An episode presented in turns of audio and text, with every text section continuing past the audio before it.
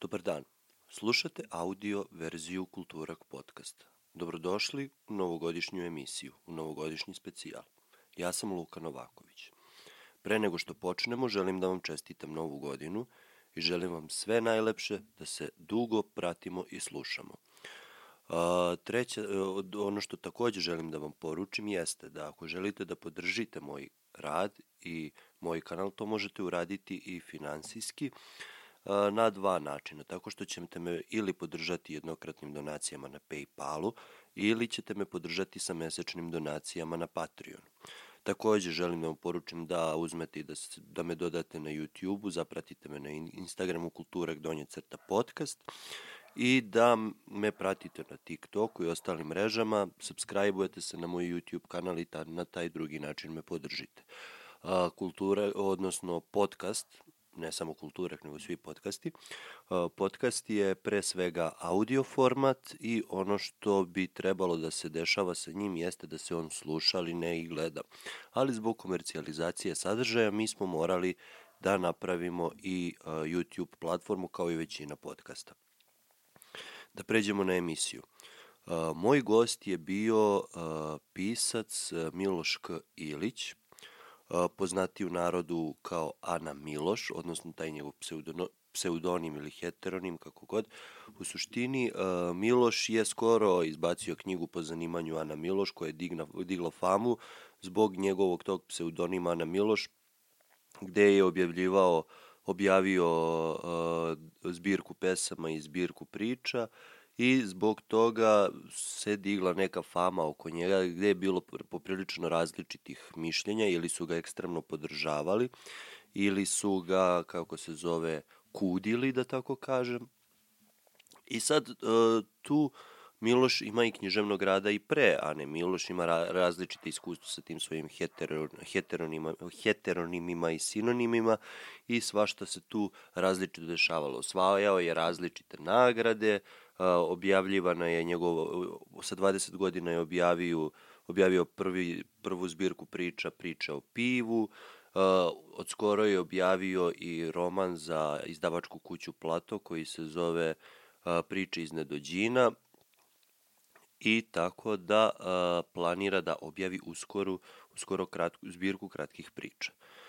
Govorili smo o književnoj sceni danas, o književnoj kritici, o književnosti kao takvoj, šta je po našem, našem mišljenju potrebno da neko delo, odnosno neki uradak ima da bi bilo književno delo i tako dalje i tako dalje. Svačega je tu bilo, tako da, će, da, da se nadam da ćete uživati u ovom razgovoru podne, podjednako kao što sam i ja. Uh, slušamo se.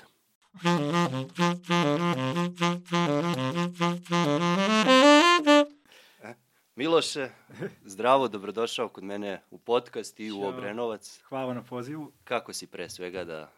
E pa super, ovaj, Obrenovac je lep, nikad ranije nisam bio, ovaj, tako da... E pa drago mi je što si došao sam... prvi put kod mene. Uh, inače, uh, kako se boriš sada sa ovom medijskom propra, pro, propra, propraćenošću tvog rada trenutno? Pošto vidim da te poprilično prate sad, posle da. dužeg vremena možda nepraćenja, kakav je utisak? Pa okej, okay, nemam pojma. Mm, malo je to sve obavezujuće, jer ne želiš ništa da propustiš i e, nikoga da nešto odbiješ, a realno jednu ti istu stvar pričaš, jer kao jedna, jedna ti ista knjiga je u pitanju, pa to bude malo zamorno kad kad. Ali da. ne, ne želim da se žalim sad nešto pa, super, što je ispraćeno medijski i zadovoljno sam što je tako. tako. Je i nadam se da će to da ne samo i na ovu knjigu utiče, nego i na ceo plato i na neke moje ranije radove ili na buduće jer već u februaru ide nova knjiga, tako da... Odlično. U suštini, uh, ajde sad kao ko, ko ne zna, nećemo na tome dugo da se zadržavamo, ali ne može da se ne spomene. Uh, to je tvoja knjiga po zanimanju Ana Miloš, tako koju nemam trenutno tu jer sam pozajmio nekog Aha, da čita. Eto, dobro, super. Uh, u suštini, uh, ti si tu došao i na neki način demistifikovao sobstveni uh, alter ego koji si pravio i koji si napravio i sa kojim si izdavao. Uh, koja je ideja, odnosno izdavao, nalazio izdavačke kuće i gde su ti knjige pod tim alter egom izlazili, koji je Ana Miloš u suštini, koji je žensko, ženskog roda. Uh, kakvi su, kakva je ideja stala iza svega toga? Zašto si odlučio da baš Ana Miloš bude? Mislim, nije ti to prvi alter ego. Da, da, nije prvi rodeo. Nije, nije. E, pa da, prvi alter ego je bio Ivan Drnčula, pa posle njega Kosta Carić, pa negde tu između se koprcao taj Vladan Ogin, jadnik koji nikad nije zaživeo, ali nekako se naj i mm, uspešnijom i isplatljivijom ili šta već pokazala Ana Miloš, e, koja je došla nekako na kraju, kao kulminacija svih tih e, ranijih projekata.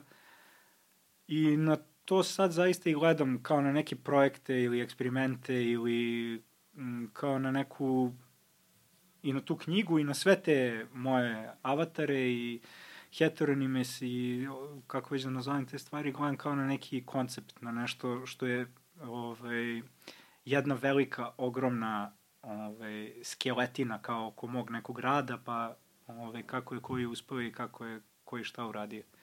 Ivan Drnčulo je bio, ja se pretvarao sam Ivan Drnčulo, odnosno to u ovaj, knjizi imaš sam, da, da. Pa to, eto, kao radi uvoda, ovaj, možda da pretrčimo preko svih. Da, da. Ti si faktički znači, bio na, na jednoj koloniji, ajde da kažemo... To je radionica u Sremskim Karlovcima, 8 dana, koju je organizovala Crna kuća 13 iz Novog Sada. I tu su bili razni neki e, pisti, spisateljice, koji su me čak i znali od ranije, dosta površno i na jedva, ono, ali ipak znali su kao, videli su me negde. Bili smo u nekoj vrsti komunikacije. Sa jednom od tih e, polaznica radionice sam bio na sličnu takvu radionici u Zagrebu jedno 3-4 godine ranije. I ona me čak prepoznala i pošto me je tu upoznala kao Ivana, jer sam je vozio iz Beograda ovaj, do, do Sremske Karlovaca, pa nije mogla da me promaši. O, čak me i pitala, pa čak ti si kao Miloš, ja mislim da imam tvoje slike na Facebooku, kao ono, u Zagrebu smo bili, ne znam. I rekao, ma jok, ma ne, kao, verovatno ličim na nekoga ili nešto, da, i kao to je bilo dovoljno, ono, jer valjda stvarno čovek nekako, kad mu neko, evo sad ti meni je kažeš, ovaj, ja nisam taj, nego ovaj, pa kao, dobro, ali da, da. ne bi to mnogo problematizovao. Kao. Tako je, sad da se pojavim za godinu dana kao, ne znam, Dragan, ti ne bi bio siguran da li jesam ili to, nisam Dragan. To, to, to.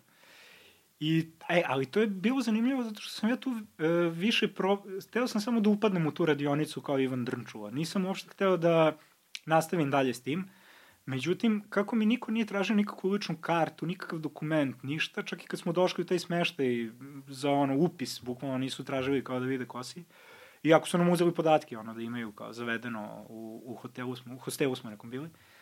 E, koji da probam da vidim dok me to nosi, šta će da bude s tim i kako ću ja da se ponašam i kako će drugi da se ponašaju prema Ivanu Drnčulu, a ne prema Milošu Kujiliću koji je tad imao već neku kao biografijicu iza sebe ovaj, i objavljenu knjigu i taj fakultet i šta ti ja znam. I boga mi osam dana niko nije uspeo da ovaj, dovoljno ovaj, mislim uspeo, glupo ovo zvuče, nisam sad ja tu nešto ni testirao, niti je bilo, bog znam kako prostora i vremena, ali... Niko, niko te nije provalio. Pa da, da.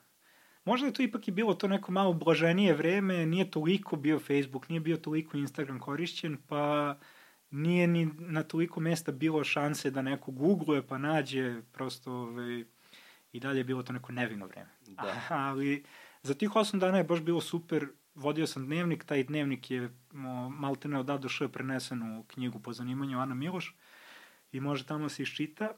I onda je baš bio onako jedan, e, što bi rekli ovi e, što probaju ayahuasku i slične stvari, onako odvajanje od ega. Baš da. sam bio nešto totalno drugačiji čovek. Pa pogotovo kao ti neko ko je studirao pisanje, odnosno taj uh, zanat koji je uh, dramaturgiju, preciznije na Fakultetu dramskih umetnosti, mm. ti ideš na tu neku radionicu kreativnog pisanja ili šta god to bilo i kao polaziš od početka koji si ti sam već prošao na neki nije, način. Da, nije, nije bio to početak. To je bilo za već kao, ne afirmisane, ali bilo je tu i autora koji su izdavali i koji su se tek gurkali. Eto, recimo, ta baš pomenuta devojka u tom trenutku imala dve objavljene zbirke poezije. Tako da, da nisu bili samo početnici. Ove, bili su ili neki koji samo što nisu izdali ili su već imali nešto, kretali su u nekim krugovima i tako dalje ne u smislu nekog nepotizma, nego kao samo prosto bili su pozvani ljudi koji su znači već imali ipak neki, neki uradak. A, ali nekako ja sam tu bio totalno oslobođen. Nije mi se uopšte nešto specijalno pisalo, nije mi se nešto pričalo o tome. Baš sam onako samo radio te neke vežbe na radionicama, uživao u tome, uživao u tim poznanstvima i pisao taj dnevnik, što je opet bilo onako uzbuđujuće na svoj način, ovaj, ono, ustanem pre svih pa to nakucam, ovaj, i onda sam kao planirao da li da im to pošaljem ono, tipa poslednje veče ili ne znam kada, poslao sam im tek pošto je sve završeno. Kako I, su ljudi odreagovali na to, je li bilo da. onako? Pa neki su odreagovali kao super strava, neki su, ono, nisu me kapiram gotivili ni, ni kao ovog, ni kao onog, tako da nisu bog nikako reagovali, neki su se malo i naljutili. Isto kao recimo i sad za ovu knjigu, baš ima raznih ovaj, nekih e, komentara i mm, različitih reagovanja, pa Ali ja sam, to je ono što je simptomatično da su uglavnom a, najbesnije nekako žene koje su povezale sobstvenu neku ljubav, odnosno svo, sobstveni neki afinitet prema književnosti sa književnošću pod znacima navoda Ane Miloš. Mm. I onda kao to neko razočarenje da je ipak njihovim jezikom na neki način piše jedan muškarac. Da li je to... Da li ti imaš sličnu perspektivu ili, je, ili imaš nekako da. to vidiš malo drugačije? Pa ne znam, ne mogu sad da ulazim zaista u, u kao njihove neke, ne znam, ni, ni najpovršnije moguće od tih koje sam, do čijih sam komentara i reakcije dolazio. Neke poznajem onako dosta površno, tako da kažem, ne bi se nešto ulazio u njihove motive i ostalo, ali kapiram da se neko našao povređenim, uvređenim ili ovaj, da gleda na to kao na još jedno muško izrabljivanje ovaj, ženskog roda, što mi je negde žao jer stvarno svako ko bi pročitao ovu knjigu može da se ne slaže sa mnom u gomili stvari, ali video bi da se ne radi, da se ne radi o tome, nego upravo ovo što si u najavi rekao da je to u stvari neka demistifikacija i razotkrivanje prosto i te književne scene, a na kraju krajeva i mene samog. Ne samo kao Ane Miloš, nego i kao svih tih ostalih ljudi, ali i kao, kao Miloša Ilića. Samog kao pripadnika te scene. Ja sam pa to da, doživeo da, da. kao kritiku, ne samo prema društvu, nego kritiku i samom sebi kao, kao pripadniku te, Absolutno. na neki način književne scene. Uh, što, što je meni najzanimljivije, jer to je kad ono zađeš malo dublje u celokupan sadržaj i kada gledaš sve to nekako intratekstualno, ne samo hmm. tematski, ne samo površno, kako ljudi imaju tendenciju da gledaju. Sad ne ispada da ja pljujem ljude, ali je to prosto tako da ti faktički uh, onog momenta kada ti upućuješ nešto književnoj sceni na neki način upućuješ nešto, neku kritiku i samom sebi. Naravno, pa mislim, ja sam deo koliko toliko i na ovaj ili onaj način deo te scene i na kraju krajeva sad i ubiram te neke podove te Ane Miloš, pa u tom smislu, ovaj, što kaže oni mim, you played yourself. Ovaj, ima, ima tu naravno i dosta, dosta samo kritike. Ne? A što ti... Ali što me naravno ne opravdava za ne znam neke stvari koje bi mi možda spočitali ili s argumentom naš ovaj, kao grešku ili kao ne znam nešto što, što nije u redu. Uh, ali da taj e, argument u suštini nisam... nije banalan i da nije glup, to bi možda, jer ljudi sad, to je ono što smo ti ja preko telefona da. re, pričali, ti si meni rekao, oni sami sebi daju autogolove u nekim situacijama. A jeste, da, bar za sad. Pazi, reakcija je zaista uh, bila začuđujuća. Jer, uh, ok, gomila ljudi je to odmah zgotivila, podržala i nekako... Pošto sam ja, recimo. Pa eto, recimo, da. da. A opet uh, ok, ti si ipak javio kad si pročitao, kad si video čemu se radi, malo istražio. Već prvi dan, drugi dan, kad je to krenulo, a krenulo je tako što je e, između mene i izdavača postoje dogovor da se samo ta knjiga pojavi u knjižarama, a da u isto vreme dobije jedno 15-20 ljudi koji su urednici, kritičari i tako dalje. Tumačitelji književnosti. Tako je.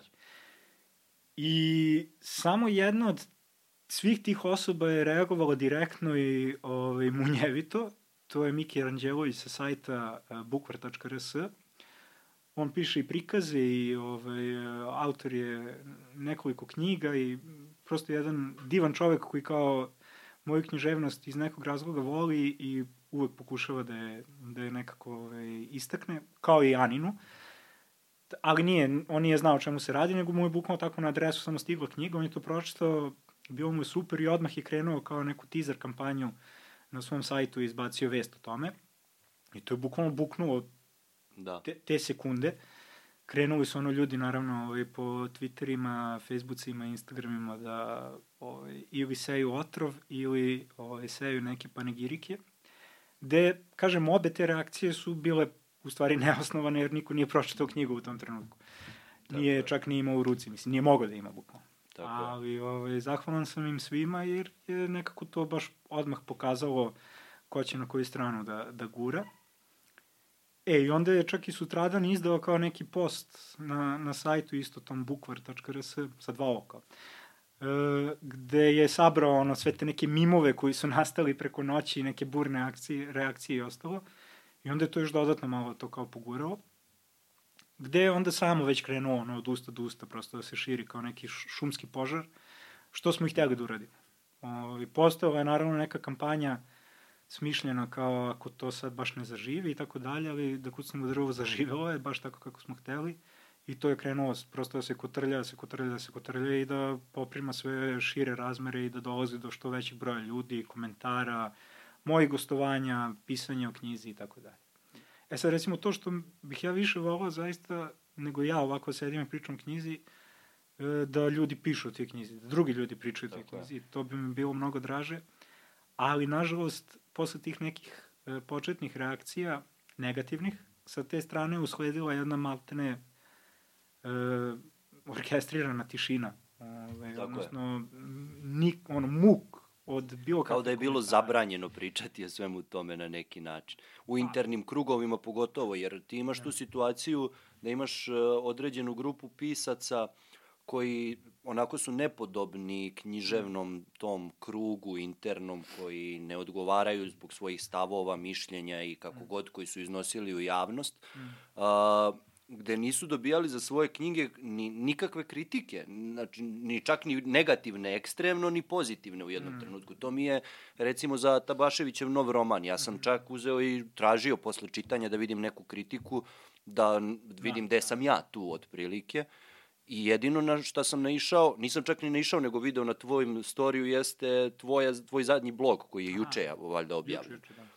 Ništa drugo, niko nije komentarisao, osim ovih intervjua koje on po retorici, zato što izdaja za Lagunu, da. morao da ima. Ima, ima Ivan Đurđević je u Danasu recimo izdao o, isto dosta pozitivan prikaz, odnosno ti njegovi prikazi su onako baš kao neka e, mala umetnička forma po sebi, više kao neki dnevnik čitanja njegov, pa e, E, to je izašlo danas, znam. Ali da, nisam nešto pretredno ispred. Ali pazite, Bašević je noćne reči, meni se to ovaj, izrazito svidao roman. Takvu sam tu recenziju napisao, to je blog. I imam tu sreću da Miodrag iz Potova mi je dao da pišem blog na sajtu i da mogu da pišem o čemu god hoću i kako god hoću. Tako da nemam nikakvu zadršku ovaj, da budem i pristrasan i ovakav da, i onakav. Da. E, I stvarno pišem to o stvarima koje me se lično tiču, tipa o kojima drvim svoje ženi, pa ajde ne slušam ona baš svaki put, nego tako ma, malo nešto i napišem. Pa... Da imaš izduvni ventil sa strane. Tako je, tako je, da. E sad, uh, ok, sam... kažem, trudim se, ne bude to baš izduvni ventil, trudim se da ipak tu nešto kao argumentovano tako postavljam je. stvari i ostalo, ali Noćne reči su svakako jedan od boljih romana koji izašu u poslednje vreme. E, Njegov, po mom mišljenju, najbolji, a što se tiče epohe pa, da. u srpskoj književnosti, među boljima. Pa, ovo što smo pričali pre nego što smo uključili mikrofone, da. ove, nekako kad čitaš, to sam slično napisao u blogu, kad čitaš takve romane, m, dobijaš e, utisak da da, kao književno sa velikim K, može i dalje da se, Tako je. da se stvara. Da nije uništena, da je nije pojeo on, konzumerizam, kontent, da, da prosto se o, kreće ipak u, nekom svo, u nekoj svojoj ravni koja je književnost, koja je jezik i da ti nudi nešto što nije sadržaj. Tako je. Što nije blic, nego stvarno moraš da se uneseš u to. To... Kao kad čitaš, ne znam, Hladnikova, kao kad čitaš Nastasijevića, prosto ti Tako nemaš je. izbora nego da se totalno posvetiš tom rukopisu, inače ćeš da čitaš nešto onako, čisto ti prođe vreme, ali prosto taj jezik te uvuče nenormalno unutra. E, a ono što mi je posebno zanimljivo kod Tabaševićevih noćnih reči je to što je ta knjiga bukvalno izašla u istom trenutku kad i po zanimanju Ana Miloš i jednim velikim svojim delom priča istu priču kao i moja knjiga, na isti način, iste stvari problematizuje čak i istog izdavača, e, da sad ne spojlujem ili ne prepričavam knjigu i njegovu i moju, ali prosto on se tu obračunava sa upravo tim književnim tržištem, sa tom površnošću koja vlada u ovaj, plasiranju književnosti, sa tim nekim ulogama koje su nam a priori dodeljene kao muškarcima ili kao ženama ili kao, što si rekao na početku ovog pitanja, odnosno razgovora, kao neki pisci su prosto uh, skrajnuti ili im se spočitava nešto, a ti bukvalno ne možeš da ni nađeš koren tog sad njihovog ovaj, problema, odnosno to, toga što im se problematizuje u, u književnosti i u nastupu. Ali da, što se tiče te knjige, to je... Da, meni je, uh, u suštini, to je ono što, uh, što je simpat, zanimljivo.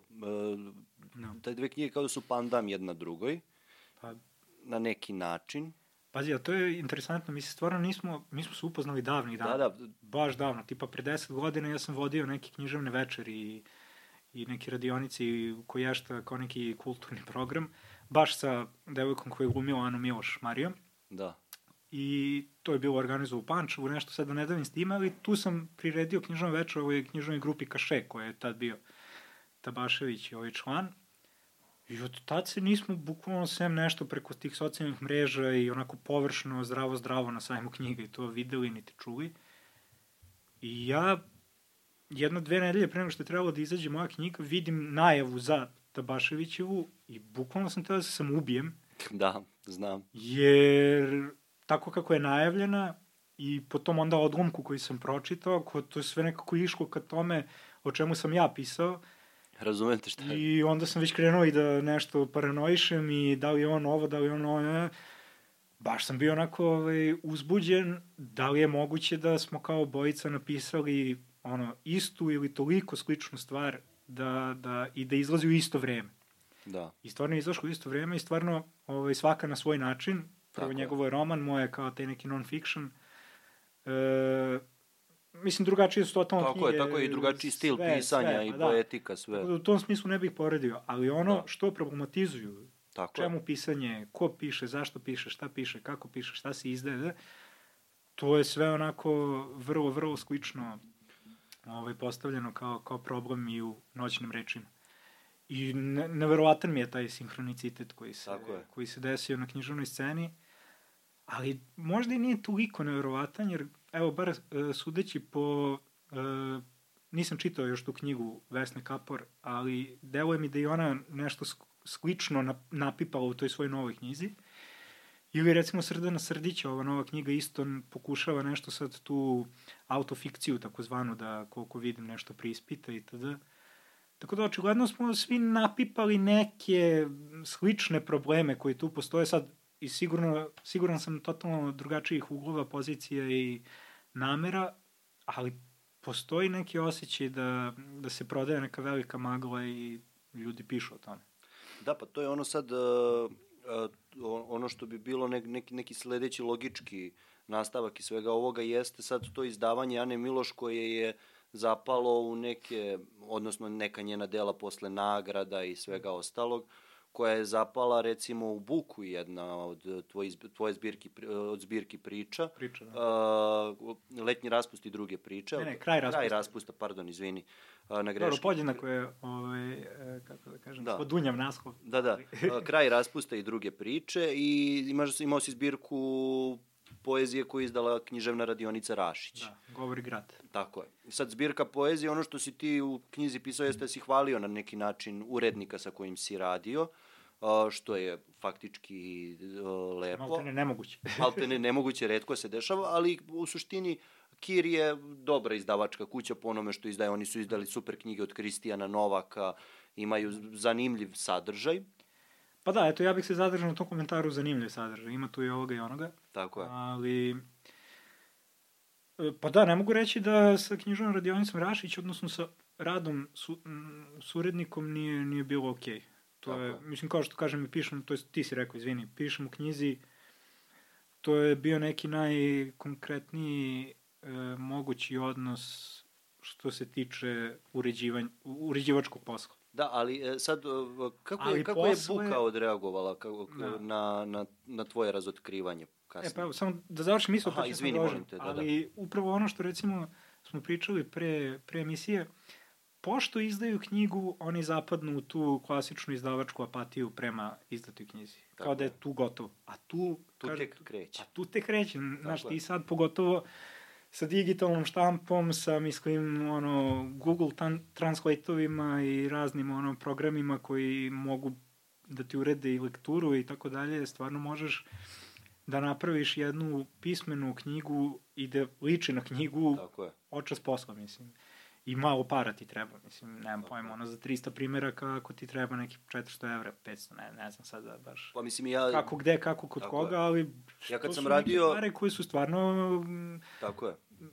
Bar dobrom delu ljudi izdvojive za nešto ako im je baš toliko stalo. Znaš, neće otići na more ili ne znam ovde ili onda, nego će to da uradi. Pa ja kad sam, na primjer, predao ovaj rukopis, ono što, je, što sam dobio kao komentar jeste da je ovo jedan od najpismenijih rukopisa koji mm. su dobili. Ne zato što sam ja pismen, nego zato što sam sa devojkom odradio lekturu, e, koja je završila je, francuski jezik i književnost. To je porazno, zato što sam ja dobio sličan odgovor od jedne izdavačke kuće koja je htela, pa nije htela da izda roman Deca nedođina, koji je na kraju izdao Plato. E, prvi komentar je bio kao hvala ti ove pisme, ono... Da.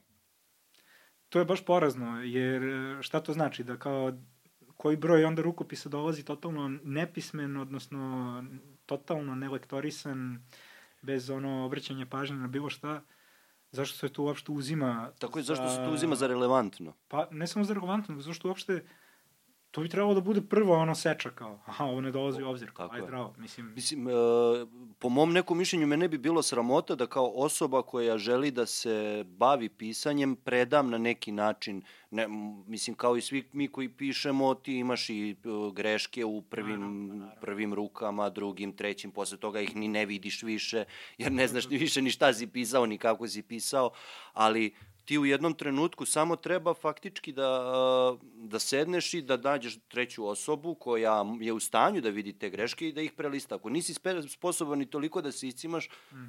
ti si osoba koja se bavi jezikom. Ako si nepismen, šta ti tu ima da tražiš? Što opet govori o toj nekoj konzumerističkoj meri književnosti. Čekaj, ako je ovaj nepismen, možda će da piše temu koja je nama podobna da bismo mi mogli da ga izdamo. Pa ćemo mi to lekturisati usput. Da. Dobro, stvarno nije, ne bih sad toliku važnost posvetio pismenosti. Tako je. Dobro, nepismeni ljudi ili upravo to ne obraćaju pažnju ili povukla ih inspiracija, pa kao... Uh, ali da, ako se baviš književnošću, mogao bi bar neki nivo te pismenosti da imaš uh, u, svoj, u svom delu koje predeš. Ali apsolutno ja imam ljude kojima dam to na neko proveravanje, upravo to lektorsko, ne samo kao i sadržinom i formom, nego kao neke proofreadere ili script doktor ili kako to nazvati sa tim svim starim srpskim rečima. da, da. Ove, ovaj, nego upravo to, nekoga, uglavnom je to moja jadna drugarica Anđela, ove, koja mora da trpi radnju, ali i na čemu sam jako zahvalan, ali stvarno ipak predaš nešto što... Da, Ali, evo, da se vratim na tvoje pitanje, reago, znači, e, Buka i Rašići su reagovali diametralno. Rašići su, koliko vidim, bar po poslednjem nekom ovaj, čeprkanju, ukinuli sve što ima veze sa Anom Miloš na njihovom sajtu i na njihovom Facebook profilu, pošto u mojoj knjizi ima onih... Buka je, je, je sponzorisala sa ovakvu reklamu. Buka je shvatila, odmah su videli koliko je sati i ovaj, nastavili to da prodaju kao Anu Miloš. Tako je. Što je skroz okej okay, i fair. Poslovne nema, strane, apsolutno. Može sa svake strane, Tako mislim. Je. Šta ćeš da uradiš nego da uzješeš to je aj zdravo, mislim. Uzjaši talas koji ti A. se pruža. To je recimo jedan od najglupljih komentara koji sam ovaj, uspeo da, da vidim, koji mi se negde pojavio sad, ne mogu setim ni koga je plasirao i to, ali tako, čim se pojavi neki komentar, čeć vidiš kao 5-6 ljudi, onda možda i 10 ili koliko već, ali krene da ga, da ga rabi svakom slučaju uhvatili su se za tiraž koji piše na kraju po zanimanju Ane Miloš koji je kao 100.000. 100.000, to sam i ja video, da. E, hteli smo kao da napišemo slovima milion, da bi, ali kao ajde da ne bude baš toliko očigledno i ljudi tu uopšte nisu ne shvatili kao zezanje, nego su krenuli da sad to koriste kao argumentaciju da eto mi samo hoćemo da napravimo pare od te knjige i da nam je bitno jedino marketing i da je to ono Zato sam i ja video, ja sam bio na fazonu, jel me jebeš da su još štampali, šta će 100.000 primjeraka? Pa, I onda pa ti... Pa ti nemaš da, da staviš 100.000, ono, Mislim, listo papira, a ne... ja, ja, ja, ja štampao 100 knjiga, ne znam šta će s ostalih 30 što mi je ostalo, pa. mislim. A ne, ne, to je, mislim, kažem, svako ko je bar malo uključen u bilo šta što ima veze sa izdavaštvom, zna da je Srbiji to... zna da je to sprednja, ali Tako. maliciozno koristi razlog kao kao argumentaciju za bilo šta. Pa da, a u fazonu sam, znaš kao, sve se reklamira. Mislim, sve, jel ćeš ti sad manje da piješ neki sok zato što ga reklamira na televiziji ili ćeš da piješ ovaj zato što se ne reklamira, nego ga ovaj, neko pravi ono kod kuće u kadi, mislim. Ovaj, tako da, to mi je baš bilo onako čudno, kao čekaj bre ljudi, pa kao, zar ne vidite da je sve, da je sve marketing. Pa mislim sve, ali upravo to, a to i problematizujemo upravo u toj Tako knjizi. Je Ali to je ono što ljudi imaju neku vrstu stereotipa da su pisci ljudi koji su povučeni, koji žive među četiri svoja zida, koji ne izdaju, mislim koji se ne... E sad, druga stvar, nisu svi pisci takvi. Da, a, mislim da je to baš... Baš je ono romantizovano na da. svim i poetizovano totalno, a s druge strane, e, mi živimo u vremenu kada se sve prodaje marketingom i kada mm. ako se ne, ti ne reklamiraš, tebe nema. A ako imaš potrebu da izdaješ i da te neko čita na bilo koji način, prvo moraš da dođeš do neke šire publike da bi mogla ta neka uža publika da te razbere i da te pročita. I... E, ali to je problem sa gomilom manjih manjih izdavača. Oni, u, da li je to, to neko kiselo grožđe ili šta, ali oni nekako u tim svojim malim tiražima, u tim svojim marketinškim i e, poslovnim, u stvari, malim neuspesima, vide neku vrstu kao um, odmetništva ili neke pozicije koje sad njihova izdavačka kuća zauzima u toj izdavačkoj... Tako, kao underground. E, da, oni su kao nešto underground, a nisi, samo nisi čitan. Bre. Tako je. Samo ti ne kupuju ljudi knjige, zato što se ne trudiš oko njih, zato što su, od ono, korica, lekture, korekture, plasiranja tih knjiga kasnije, vidljivosti tih autora kasnije, slanja tih knjiga na neke konkurse, nagrade, stipendije, šta god. E, ali kažem, baš, baš postoji u malim izdavačima, ovaj, bar koliko sam ja imao prilike to da doživim, taj neki stav kao, ma ne, kao nas čita tih 30, ali tih 30 baš dobro. To su baš hardcore čitaoci. A mislim, nekako ja nisam upoznao nikoga od tih 30 nikada. Da. Ovaj, ili, A da nisu mama, ajde, tata, upoznao, baba i string. Pa ono, upoznao sam možda, nisam upoznao 28 roka. Da. Od tih 30. Tako da to je, mislim, ja ne verujem da bi svi baš želeli da budu Laguna. Ili, ne znam, geopoetika. Pominjem ove izdavače zato što su ti najveći izdavači i naj, o, ozbiljniji u tom smislu. Ne bi svi hteli da budu oni na nivou nekog načina poslovanja, nečega što izdaju, izgleda knjiga, šta god. Ali realno bi svi želeli da imaju na svakom ćošku svoju knjižaru. Tako je. Jer ako si u tom poslu, pa u redu, ali nisi underground ako izdaješ onda štampa i kao recimo Kaše, taj grupa što je bilo, oni nisu učestvovali sa knjigama koje su nastale u okviru Kašeja ni na jednom i nagradi, štampali su ih sami u svojim kućama, ono, na štampačima, koričili ih sami, delili ljudima. Znači, ili taj neki kao ilegalu. Totalni ali, underground pa, ili...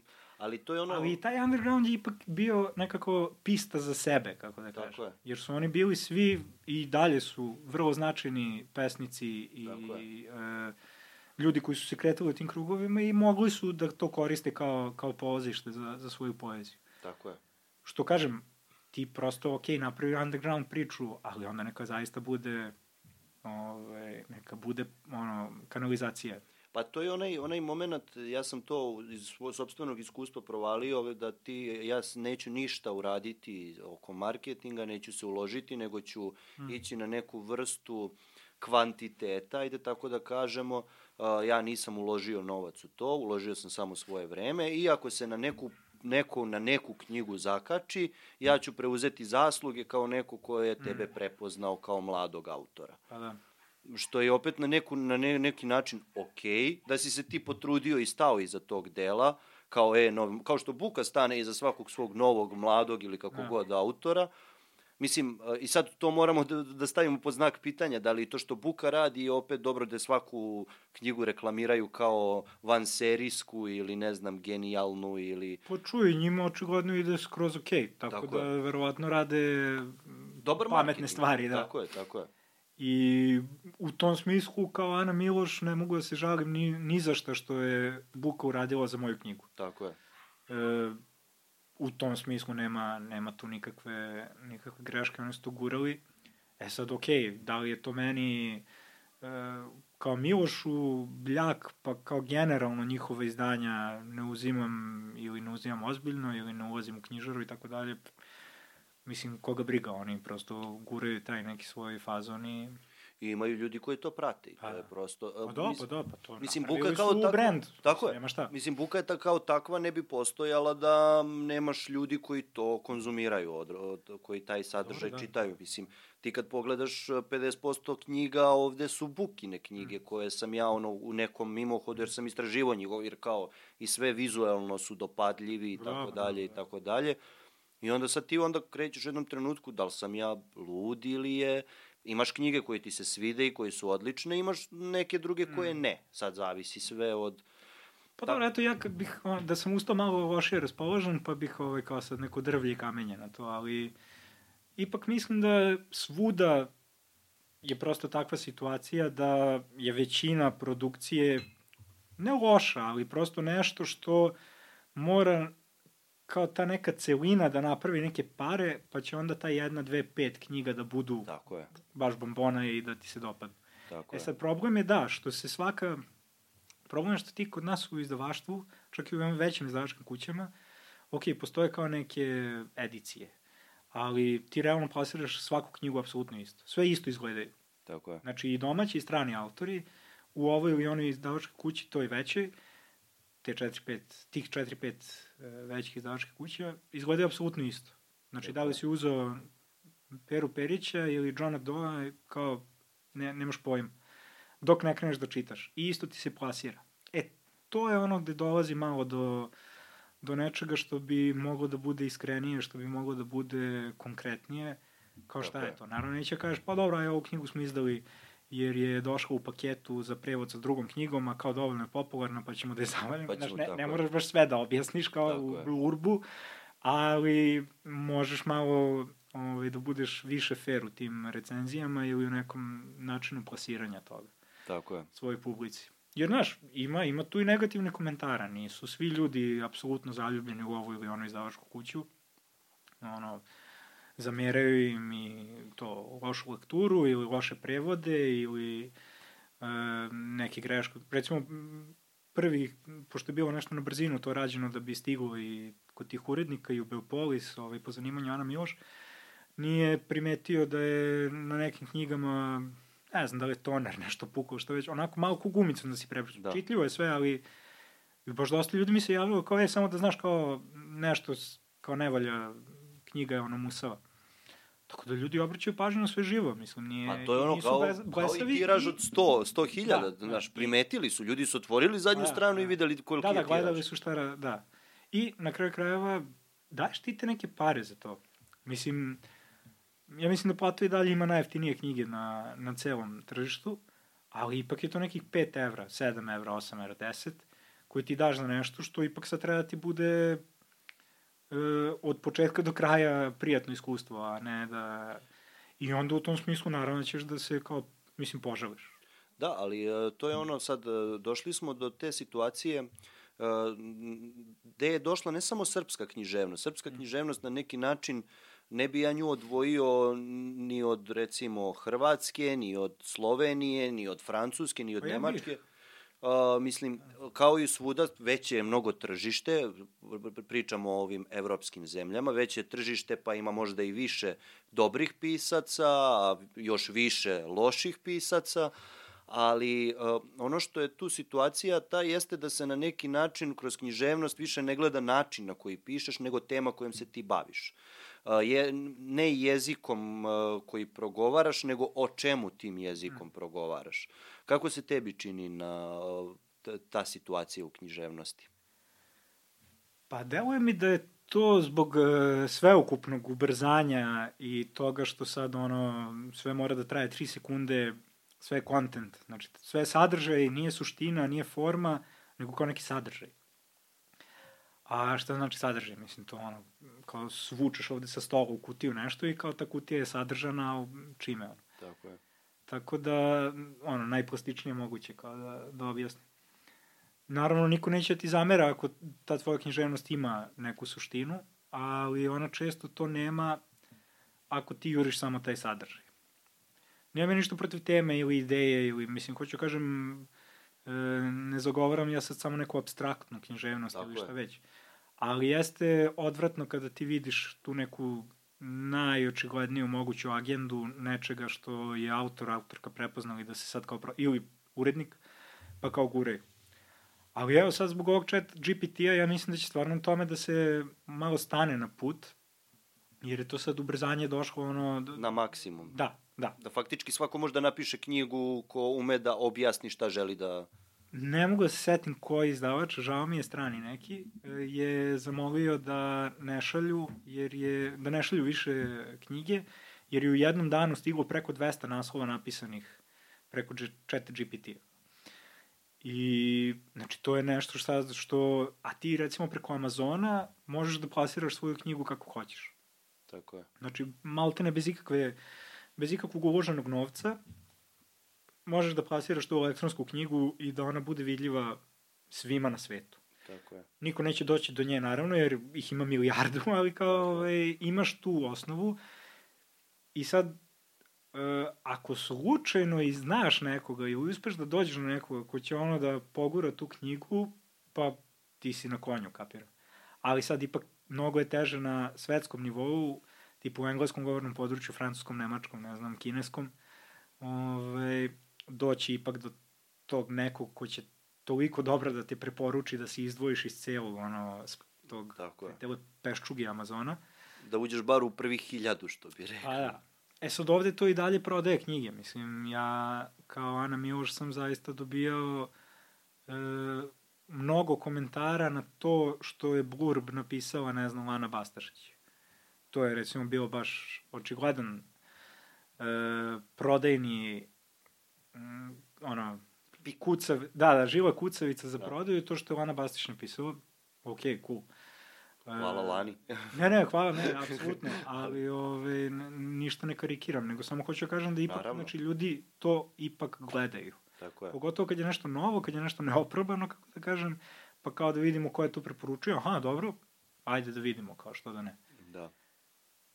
Da. Ali mislim da, da kažem, to ubrzanje je došlo sad do maksimuma i da baš zato što dolazi do tog ono pucanja, da će onda malo ipak da se uspori i da će se vrati ne na staro, ali na nešto novo što će više ličiti na staro. Evo recimo sam je pričao prijatelj koji predaje na fakultetu, upravo to sa ti radovi koji su i ovako bili, mislim, pisani, copy-pastovani s Wikipedia i da, ostale. Sa je to maltene nemoguće kontrolisati i šta ti preostaje? Pa preostaje ti da studenti pišu ponovo tu na licu mesta, rukom na papiru ovaj, radove i da se na taj način ovaj, vrati e, cela praktično akademska zajednica i rekli bi kao korak unazad. Tako, ali... faktički će sad neke stvari da dožive ono povrat, renesansu, da se vratimo na neke osnovne Što je meni cool, jer kao, eto, upravo to, na kraju krajeva ljudi će morati sigurno da budu i to malo pažljiviji i šta misli i kako misli i kako pišu o tome. Možda, ne znam, možda dođe do tolikog ubrzanja da, da, da svi nestanemo, ono, tako da, ali... Da se dezintegrišemo. pa da, bukvalno, prosto da ta književnost, jer ne znam, pisao sam baš o tome na blogu, a nekako književnost koja je upravo to štancovanje nekih ljudi, ok, ti autori su popularni ili čitani, ljudi to vole, nije nikakav problem, ne, ne, da me neko pogrešno ne shvati, ja čitam razne stvari pa u tom smislu ne, ništa ne držim kao da je manje vredno u tom smislu. Ali e, ipak nešto što kao očigledno je štancovanje, pa kao koja je razlika da li je napisao kompjuter ili taj neki čovek koji je zadao sebi ono 10 strana dnevno da načuka i kao za dva meseca ima roman. Bez bilo kakve autokorekture ili bilo pa, čega? To verovatno on ima, uri... nemam pojma, ono, ko već. Mislim, to smo u stvari prošli kod Stephena Kinga. To, baš sam teo njega da spomenem. Njegov, mislim, on je okej. Okay, kao, on čovjek štancuje je, jednu knjigu godišnje. Pa bar. Njegova deviza je da piše tri strane dnevno, ali tri strane kojima je zadovoljan. Znači, da. okej, okay, nek napiše i 20, ali tri strane da bude i ko za tri meseca roman. I okej, okay, da, u, to, u toj kao matematičkoj postavci toga, pa jeste, vrate, tri strane dnevno, za tri meseca imaš romančugu. Tako je. Ali, da li si ti stvarno toliko ovaj, darovit i pun energije i raznih novih ideja i tako dalje, da u tom kontinuitetu sad te tri strane stvarno, mislim i tako dalje. E sad daje, ja stvarno nisam toliko verziran za Stephena Kinga, pa ne mogu da, da sudim na tom nivou.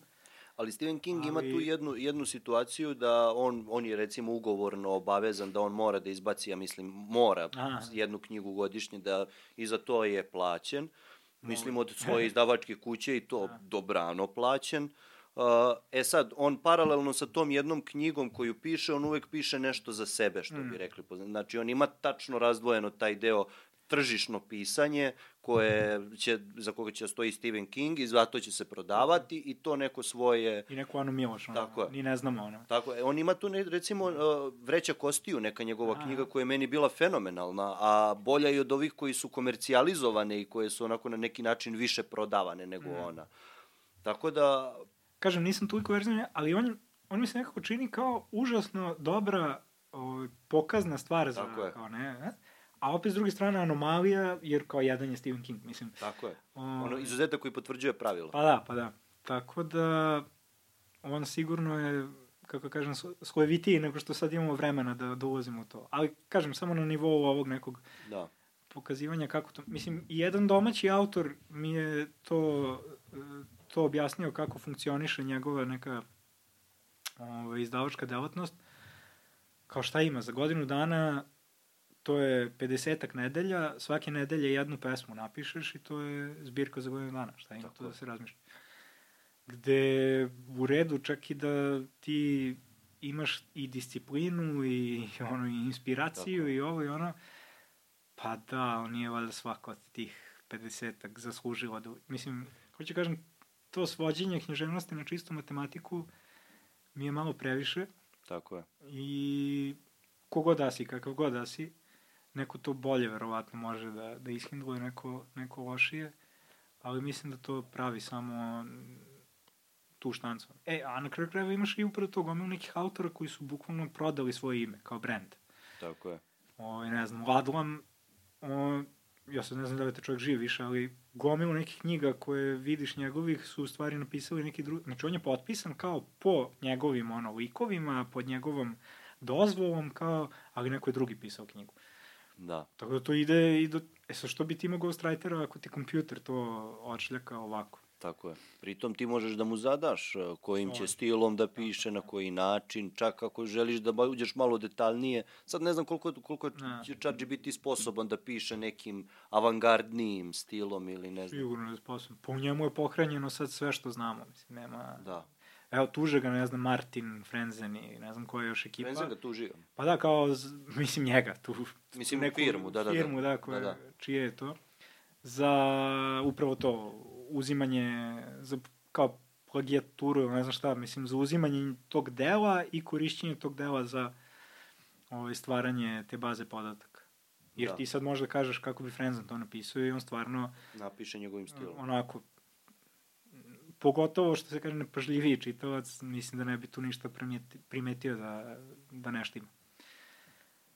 Ali dobro, to sam isto pričao negde, pa sad izvinjam se na ponavljanju, Nema veze, ali kažem, pre deseta godina u Japanu neki roman napisan kompjuterski stigao ono do, do finala neke nagrade književne, tako da ne vidim ja ništa loše u tome, ali svakako ništa specijalno dobro. Ni, ono, ako ništa drugo, gomila Ghostwritera će da ostane bez posla, to je loše. Da, da. Ali to je ono što je, recimo, meni to nekako deluje onda kao vrednovanje nekih, po znacima navoda, zanata. Ti sad mm. imaš situaciju da tebi fabrika može, banalizujem, totalno napravi 150 stolova mm. u minuti, ali se više vrednuje sto koji je ručni rad, razumeš? Mm. Da će doći do te situacije kada ti možeš fabrički da samo štancaš knjigu, nebitno ni ko je autor, ni šta, ni gde, ni kako, mm. da nađeš neko lice koje će samo imenom kao brendom da nosi tu knjigu, da će se onda vrednovati taj neki pod znacima navoda ručni rad više, da će doći do toga da će ljudi koji stvarno imaju talenta da kreiraju pravu knjigu sa svojim jezikom, razmišljanjima, pravim referencama, jer taj neki postmodernizam koji mi ja, ja se nadam možda čak i izlazimo uskoro iz njega, uh, je nekako postala umetnost referenci i mm. svega toga šta smo mi u sebe uh, kako šta, kako šta i kako gde, ali baš tako završavam ti pomenuti blog o chat GPT, odnosno AI u književnosti, upravo to. Obrnuće se krug i cenit će se upravo taj ručni rad, odnosno cenit će se ono human made books. Tako je. Ovaj, to će bude kao neki poseban štambilj.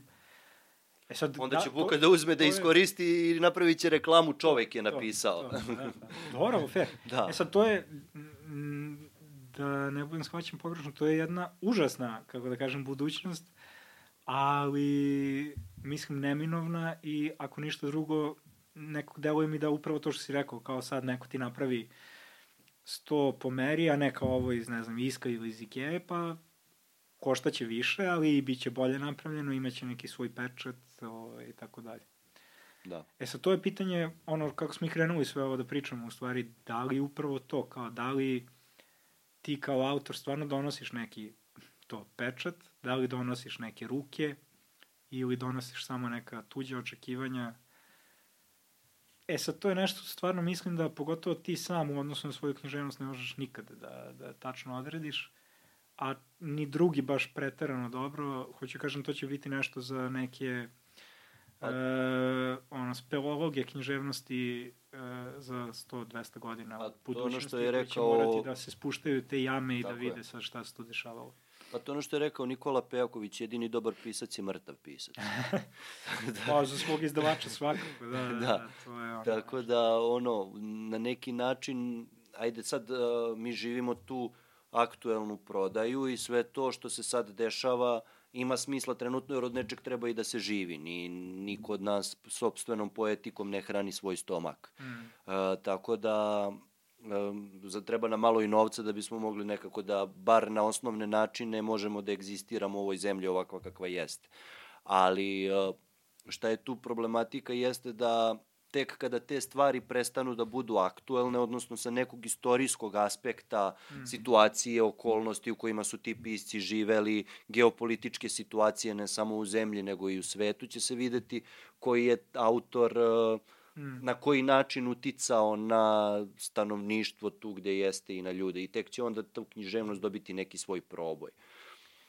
Pa da, ali ja se ne bih zavravao u tom smislu, svakako će neko nešto čitati od ove sadašnje produkcije za 100-200 godina, pa će pokušavati da s tim uradi neku stvar. Ali, ako ništa drugo, bar kao neki ono, doktorat. Tako je. ali... Bar ću imati mali citat, što bi rekao. Eto. Ali, e, Ne mislim da trenutno umetnici imaju bilo kakvu e, vrednost u društvu. Tako je. Oni mogu da budu tu koji si sad spominja, kao sad neko je uticao na neko stanovništvo ili nešto. Nema ne, nikakvog ne. uticaja. Nema nikakvog uticaja.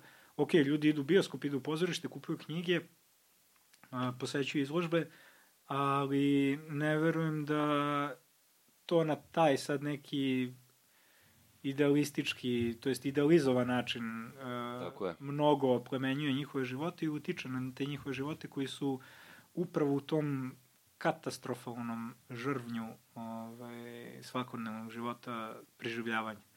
Tako. Čak i ovi koji su kao elita ili kojima ide bolje, moraju prosto svaki dan da ulaze u, taj, u to drobljenje i tu baš malo, malo mesta ostaje za duh ili za nešto što taj duh uh, hrani i oplemenjuje.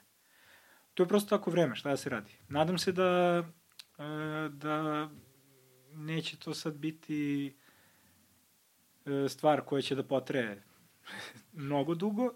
Tako je. Deluje mi da se svet ipak malo sad, upravo zbog svih tih strahota koje se dešavaju i svih tih nepodnošljivih svakodnevnica koje nas sve više obuzimaju, ipak vraća malo tim duhovnim stvarima, jer de, gde ćeš? Gde drugde nego, nego tu. E sad, nažalost, u Srbiji se i dalje na to gleda onako malo kao i s nekim podsmehom ili sa tom nekom distancom, bar u nekom javnom prostoru.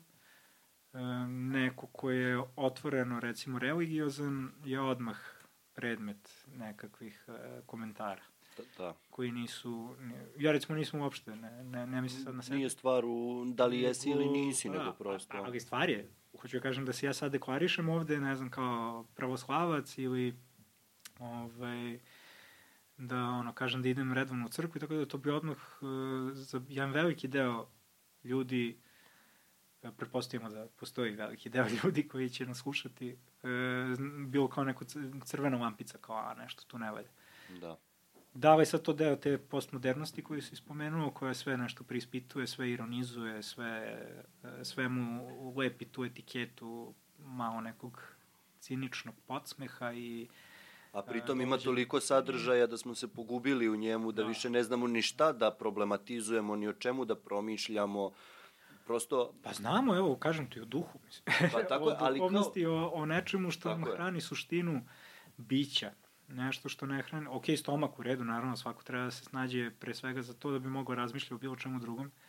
Tako jer je. glad je najgora ono, prepreka, ali mislim, glad je možda malo prejaka reč. Ove, ovaj, stvarno, jedan, rekao bih, jako mali deo ljudi u Srbiji baš gladuje. Ali, što ne znači da u ostatku sveta, odnosno u većini sveta, nije neka druga situacija. Ali svakako taj duh, to ti treba. Mislim, ne, nemenovno ti treba i nemenovno moraš da radiš na tome, a nekako se užasno to gura po tepih i e, nije čak ni na drugom mestu, nego tamo negde kao aj kad dođem u penziju pa ću ovaj, da se posvetim ovome ili onome ili da... A u stvari treba se posvetiš sebi, mislim, i ljudima oko sebe, porodici i tako dalje. Tako je, pa ja sam, na primjer, kao neko ko, ajde kad sam razmišljao da otvorim, napravim podcast, ja sam došao na ideju da se on zove Kulturak, da se, da pričam o onome što znam, jer ne mogu ja sad, recimo, da pričam, ne znam, o ratu na Kosovu 90-ih, kad nemam pojma o tome, niti da iznosim neke teorije zavere, kad ne znam ništa o teorijama, o, o teorijama zavere, ili da se bavim nekim drugim sadržajem, nego ajde ono da, da pričam o čemu ja znam, a to je na neki način neka vrsta kulture, umetnosti, književnosti i ostali stvari, novinarstva, medija i ostalo, mm. neko vrsto aktivizma, politikom i tako dalje. Sve to što si naveo ima i takako veze i sa ratom 99. i sa da. trenutnom situacijom na Kosovu i tako dalje. Tako je, ali prosto... Neminovno ćeš doći do toga. Verovatno da, će, da, da je tako. Ali uh, ono što je bilo kao pa neki komentar kada kažem e kao umetnost pa to nema šanse ti se tu nećeš niti mm. naplatiti niti ljudi dovedi ti jednom ne znam lupam neku pevačicu pa će ona ti skupi preglede. Što kažem nije da nije legitimno da. legitimno je skroz ali prosto ajde da probamo neku vrstu, da proguramo neki mm. sadržaj koji bi ja voleo da gledam kada ga, to već imamo na televiziji, ne moram ja da pravim svoj sadržaj da bi to mm. gledao. Pa dobro, ali ima neka pevačica koju bi doveo ovde. Mislim... Ima, pa ne, ne, ne, ja pričam, ne pričam da, o da. svim, nego pričam o nekim pevačicama estradnim, ne pričam o umetničkoj. Pa dobro, pa da, ne znam. Meni nije problem, ni ja, mislim... Meni, ali pazi, ne... ja nemam problem ni, ni sa kičem, ni sa trešom, ni sa šundom, meni je to određeni deo subkulture, ajde da kažemo. E, naravno, to je sve legitiman način izražavanja i na kraju krajeva upravo taj eskapizam je i jedna mala vrata upravo ka toj duhovnosti, ka nečemu što je kao da, da, da se čovjek izduva, pa da. da ima onda malo vremena, odnosno snagi i da, da promisle nešto ozbiljnije. Ne bi ja to ništa izdvajao, ne, ne sad ti kao sugerišem koga da zoveš, da, da, da. nego to je neki deo upravo to i savremena kulture ili, ok, možda će neko kaže antikulture, ali sve jedno, znači to je ono, sastavni deo svega ovoga. Pa to... Ali eto recimo baš to za Kosovo, neću sad, ovaj, ne boj se da... da ovaj, ne, ne, slobodno, ne, nemamo da nikakvu... Krenem na tu stranu, ali... Slobodno, slobodno. E, o tome pišem i u knjizi, ovo po zanimanju Ana Miloš. Kad sam bio u Engleskoj i imao knjižno veče, i sad, ja sam tad imao, ne znam, 23-4 godine, tako nešto, iznebuho me to pozvali, zahvaljujući ovaj, tadašnjem, odnosno budućem izdavaču, ali e, i to neko, da ne dužim sad, u svog slučaju završio sam ja u ovaj, Liverpoolu na knjižnoj večeri. I ovaj lik me je pitao što je organizovao i koji me je pritom upoznao u Srbiji u okviru festivala Kick in the Short. Ovaj, sedeli smo tu četiri dana, cirkali, prijateljili se sve.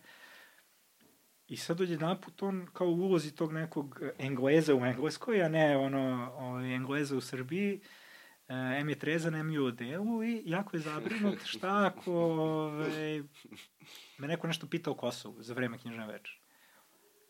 Gde ja tad svakako nisam imao ovaj, bog zna kakve stavove o, o svemu tome.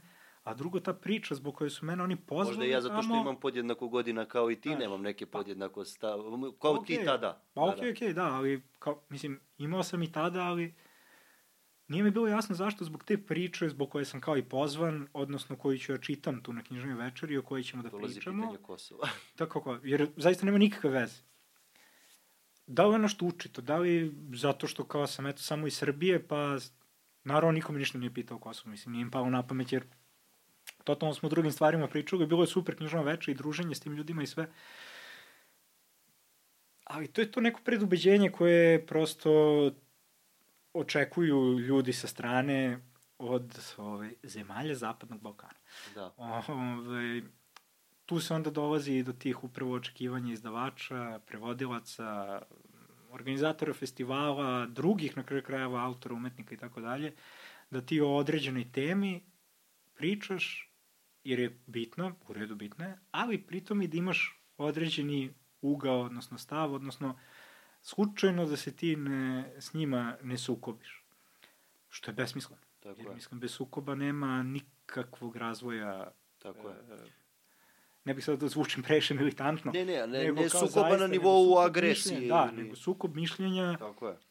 E, sučeljavanje tih različitih stanovišta, To je jedini način da se o nečemu priča i da se na neki način razvija dalje. Ne ono a priori um, to kao suočavanje ili ovo ili ono, ok, sve, treba svega i toga, ali to ne može da ide bez uh, dijaloga. Tako je. Ne možemo mi jedan dan da se probudimo i da se kao s nečim suočimo i ko više, ko manje, ko na ovaj, ko na onaj način i kao, ok, nego ipak to ima neki svoj razvojni put koji da. je jedina takav a to ne postoji. Jer to, eto, recimo, i cela ova priča oko Ane Miloš, e, niko, recimo, zanimljiva stvar, dvoje ljudi je pozvalo Mariju da gostuje. Ja sam imao do sad neki 9-10 gostovanja na najrazličitijim mogućim mestima. Dvoje ljudi je samo pozvalo Mariju da gostuje, pritom jedno od dvoje ljudi je njena prijateljica. Pa kao, ajde dođi Marija. Ok, Marija nije htela, ne veze, da ne ulazimo sad u to, ali čudno mi je da niko ne želi da čuje i šta ona sad ima da kaže posle svega toga. I pritom pogotovo ljudi koji su kao problematizovali moje okorišćavanje o nju, o njeno telo čak, ovaj, da. tako dalje. A kamo li mene da pozovu da mi sučelimo neko mišljenje ili, ovaj, ne di Bože, da pričamo o knjizi najnormalnije, pa sad neko misli ovo, neko misli. Pa to mi je, dao si mi dobar šlagvord za to, sad je bilo ova emisija u Hrvatskoj, pričali mm. smo možda o tome, gde su oni iznosili neke kao činjenice, kvazi, o tebi i o tvom delovanju kao Ane Miloš, gde su u jednom trenutku počeli da da ti učitavaju i neku zloupotrebu preko društvenih mreža gde im je to postao kao glavni argument oko koje se cela priča vrti, što je meni bilo presmešno mm. i toliko banalno da je da, da nisam mogao da poverujem da neko je u stanju takve stvari da, da učitava u celokupnom tvom delovanju, da sam bio u, u fazonu kao dobro bre ljudi ajde kao da, da je ona kao došla kao da ti nemaš dovoljno alata da ti shvatiš da ti u fazonu da ti pišeš feminističkim jezikom kakav god on bio a ti niti si feminista, niti koristi, mislim, mm. feminista. Ja, kad kažem nisi feminista, ne, ne, sad moram, meni je problematika to što kao sad moram da budem toliko politički korektan da moram da se opravdam. Da, da, da. To, to, to, mene, to mene po automatu, automatizmu nervira, gde ti, ja kad kažem da ti nisi feminista, nisam rekao da ti ne, ne poštuješ žene, nego naprotiv, samo da, pa prosto... nisi ja uvredio svakako. Ne, ne kažem te, sad ne opravdavam ja, sebe kod tebe, nego generalno kod publike.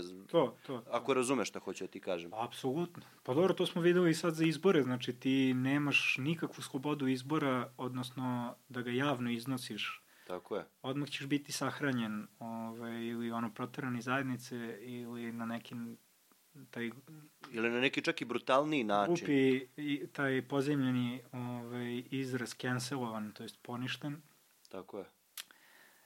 Pa da, ta emisija, šta znam, to, to je recimo sad jako glupa situacija gde upravo to, ti si sad doveden u poziciju, prvo da se pravdaš, a nema zašto da se pravdam, jer ko imam celu napisanu knjigu Tako na je. 10 godina mog književnog, glumačkog, multimedijalnog rada, na najširi mogući perform, tako je, na raznim mogućim ono, platformama, sa raznim ljudima i tako dalje, tako dalje, koji su sažeti od tih 150 stranica i sad kod ti treba se pravdaš totalno besmislena situacija.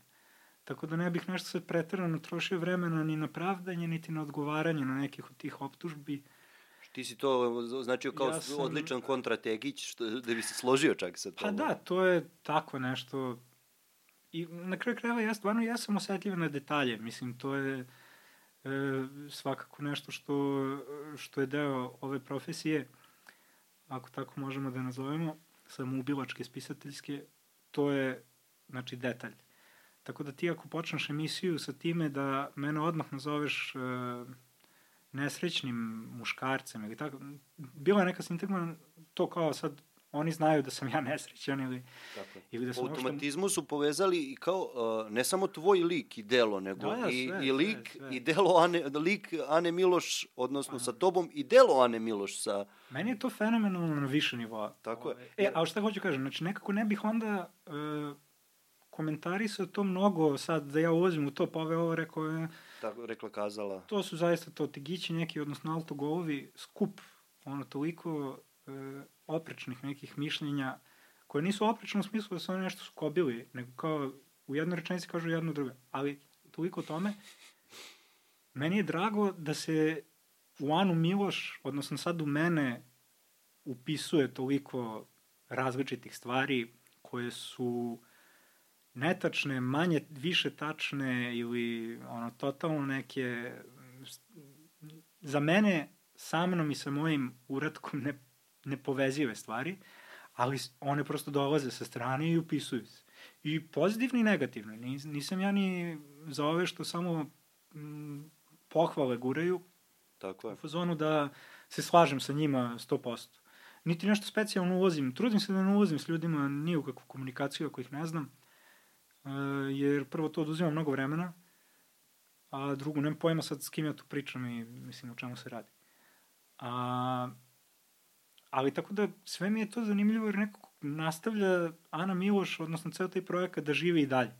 Ne verujem da ću da pišem drugi deo, ali e, fenomenalno je recimo jedan drugar koji nije znao za sve, ni, ni, nisam mogao da mu kažem, e, pritom koji je preobrazovan dečko u književnosti totalno sve, je video najavu za knjigu, još pre nego što je izašla. Znači, par dana ranije se pojavila na sajtu samo knjiga. I ove me cim, kao, ja, znaš šta je ovo, ne znam, pošto zna kao da sam po to i to. Rekao, nemam pojma. I ne bude on u to svom istraživačkom radu ode na Kobis i pogleda da li je registrovana knjiga i jeste i kao na moje ime. I kao, šta je bre, ovo si normalno? I ja sad kao kapiram, ne mogu da mu ne kažem, a dobit će knjigu za dva dana. Ali rekao, ajde, glupo je sad ga kuliram. Rekao, pa ukratko, ja sam Ana Miloš. Bukvalno mu to napiš. I on kaže, kapiram, ali kao šta sad? Pa rekao, ajde, dobit ćeš knjigu. Pa I on me zove to za dva, tri dana kad je ce, krenula cela stvar. Kaže, e, sad me zvao ovaj drugar Jan. Kaže, ti si Ana Miloš. pa rekao sam ti pre dva, tri dana. Rekao sam ti čak, pa ne, ja sam mislio, su nešto on mislio, da li sam ja ghostwriterovo ili ne znam šta je mislio, nisam ga baš najbolje shvatio. Ali znači ti ono, direktno kažeš čoveku najotvorenije, ja sam Ana Miloš i ko? Ne. Da.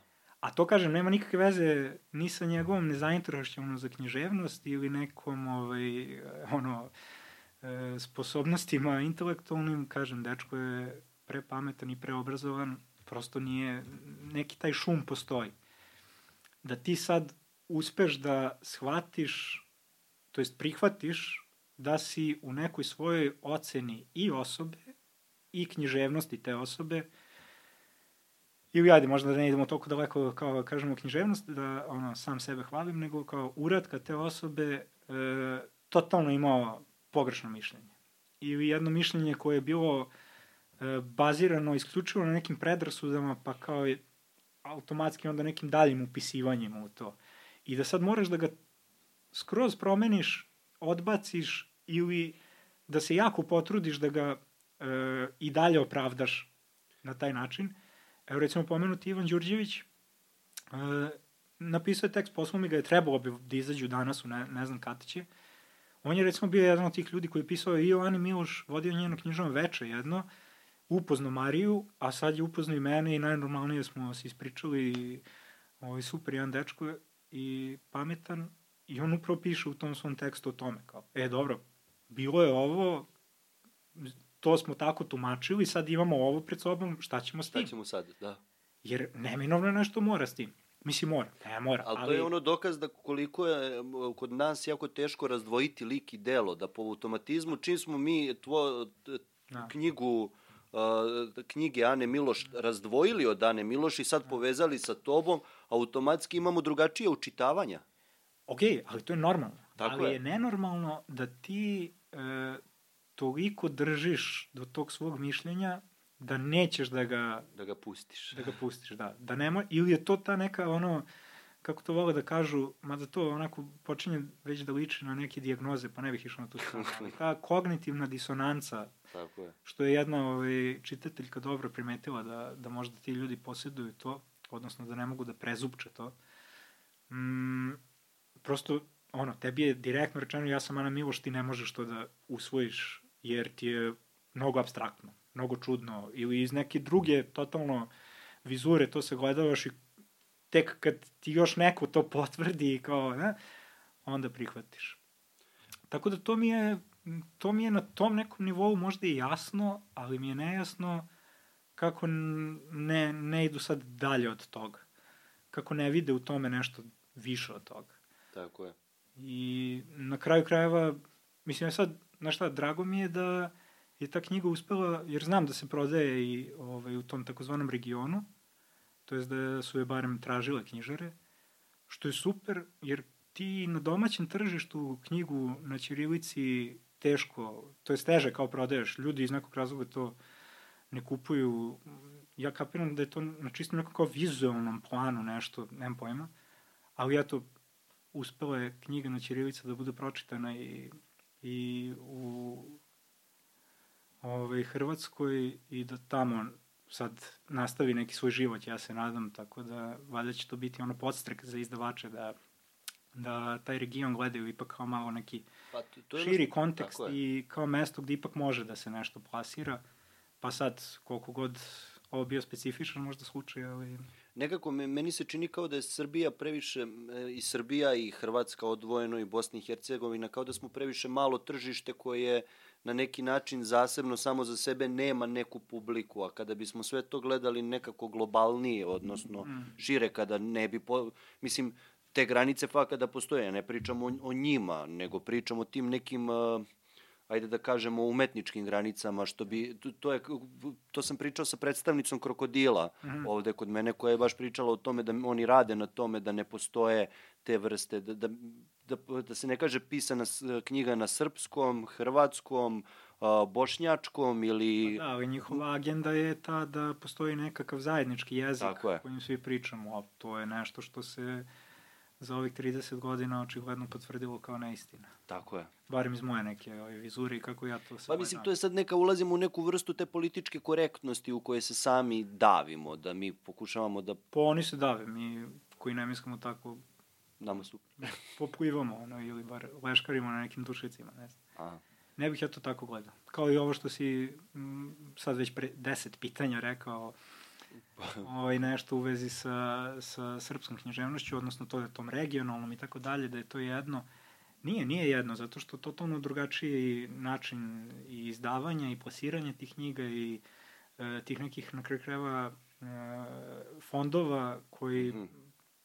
pa sad na ovaj ili onaj način plasiraju možda neku drugačiju književnost ili ako ništa drugo samo para koje su uključene Tako je. U pom, kao pomoć i iz ministarstva i iz Evropske unije, totalno su totalno ono nebo i zemlja u, Tako je. u svim tim državama i na kraju krajeva Izvini, molim te, ti u Srbiji imaš e, prostora kao bilo e, čiji autor da mnogo lakše izdaš i pre nego srpski autori preko. Tako je.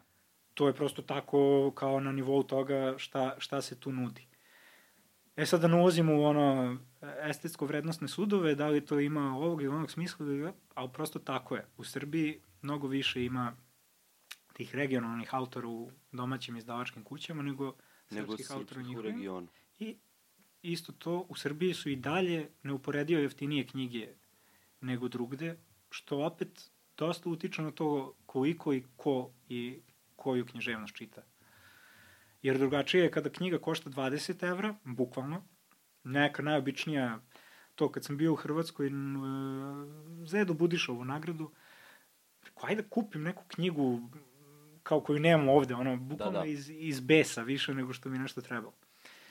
I našao sam neku beletristiku, ovaj Mosir uh, Sklijar, neki brazilski autor, i koji je super, to je nešto kod nas malo prevedeno, neke pričice, nešto, i nađem roman kod 20 evra. Bukvalno 20 evra. Najobičnija knjiga, ono, od 250 stranica. Sa zašto to toliko košta, znaš? Pa, ja sam e, i... a kažem, to automatski određuje količinu publike i ovaj, sloj publike. Pošto sam ja jedno vreme glumio sad u nekom amaterskom pozorištu i bavio se, pisao sam neka scenarija i u jednom trenutku je meni, pošto sam bio opsednut nemačkim ekspresionizmom u tom mhm. periodu, ja sam imao za ideju da, kako se zove, uh, re, režiram u tom pozorištu Hinkemana od Ernsta mhm. Tollera. I sad, pošto nema, nema prevod na srpski jezik, uh, ja mene mrzelo naravno da prevodim sa engleskog i ja nađem hrvatsku verziju, oni su to ukoričili, postoji kao knjiga, jer ja mislim da i oni svaku predstavu koju rade da bi kao da. zaštitili kao autorska prava objave u vidu knjige. Ja mislim da je ta knjiga koštala oko 6000 dinara pre 3-4 godine. Da, da. 6000 dinara. A to je drama od uh, stotinak strana, nema više od ja. toliko. Pa da, pa da. Pa sumanut. Mislim, da, da. Okay, ima i ovde skupi knjiga, I taj trend se sve više uvodi, kako i ova inflacija, mislim, nas jede i to, ali Najskuplja knjiga knjige... je ovaj, uh, već spomenuti u, joj bože, Kaži. A, Amerikanac, bre... Stephen King? A? Stephen King? Ne, nije Stephen King. Uh, Frazen. Aha, aha. Uh, on je najskuplji, ja mislim da su njegove knjige oko 3-3,5 hiljade. E, ali sad znam kažem, to bukvalno zavisi od kao tabaka, Tako o, je. odnosno količine papira koji je iskorišćena. Znam da je onaj češljugar bio nešto preskup kad je izašao, pa su se mm, tentali nešto iza sanja knjiga popusno, bukvalno kao da, da zarade bar dinar od njega, da ga neko kupi, jer niko nije kupovao jer je to knjiga bila, ne znam, 3,5-4 hiljade.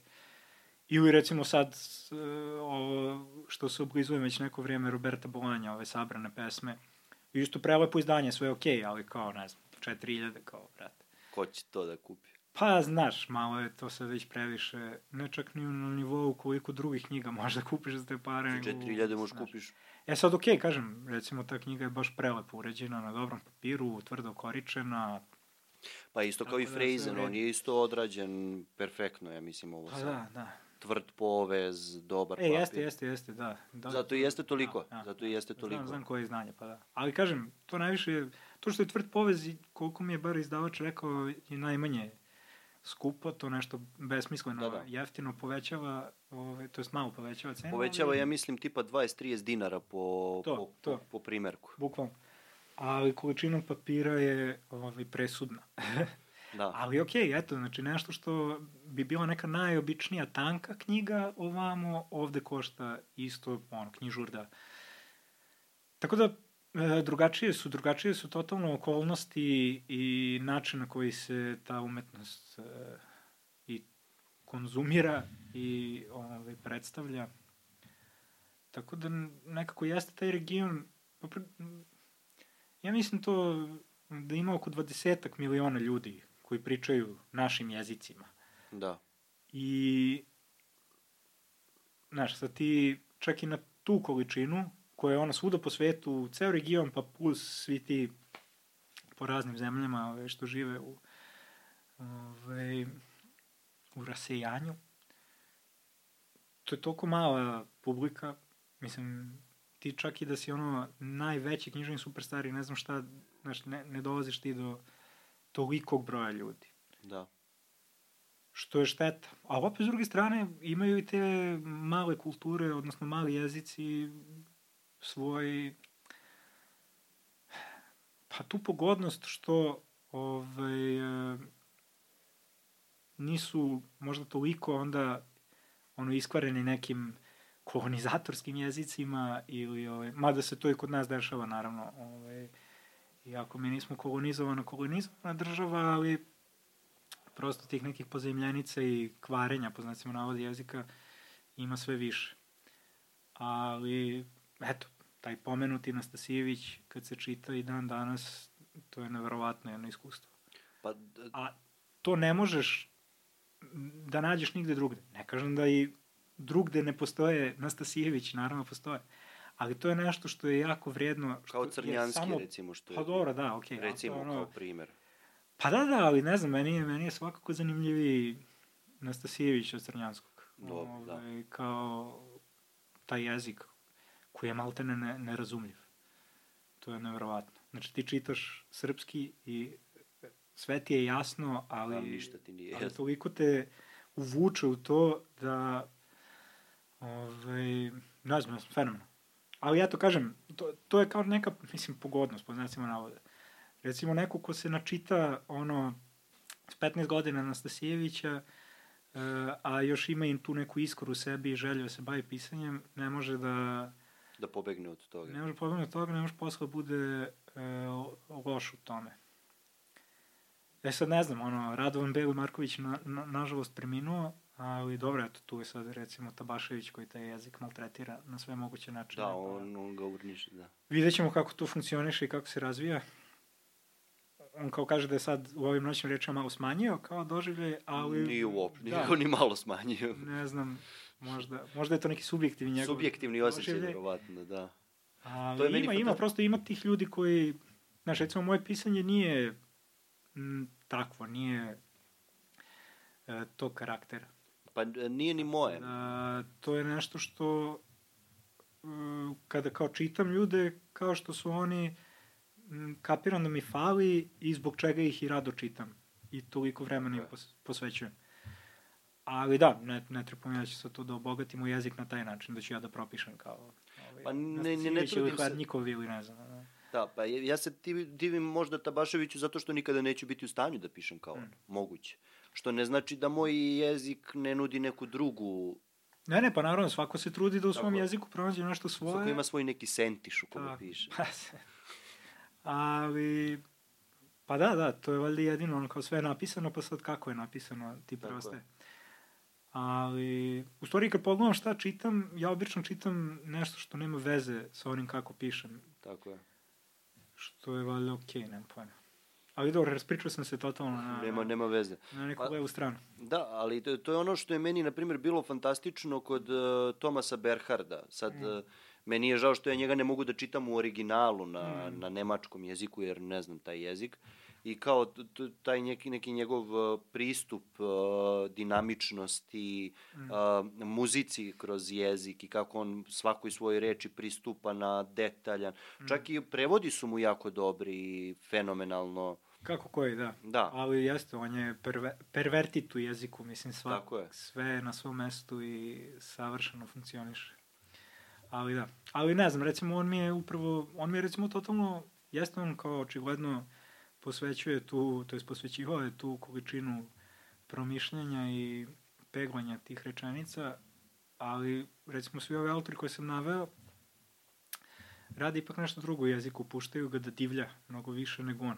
da on, i- on ga je hermetizovao. Berhard meni, koliko god sam ga se načitao i čitaću ga i dalje, uvek izaziva ipak malo uh, želju za zevanjem uh, nego što sam ushićen.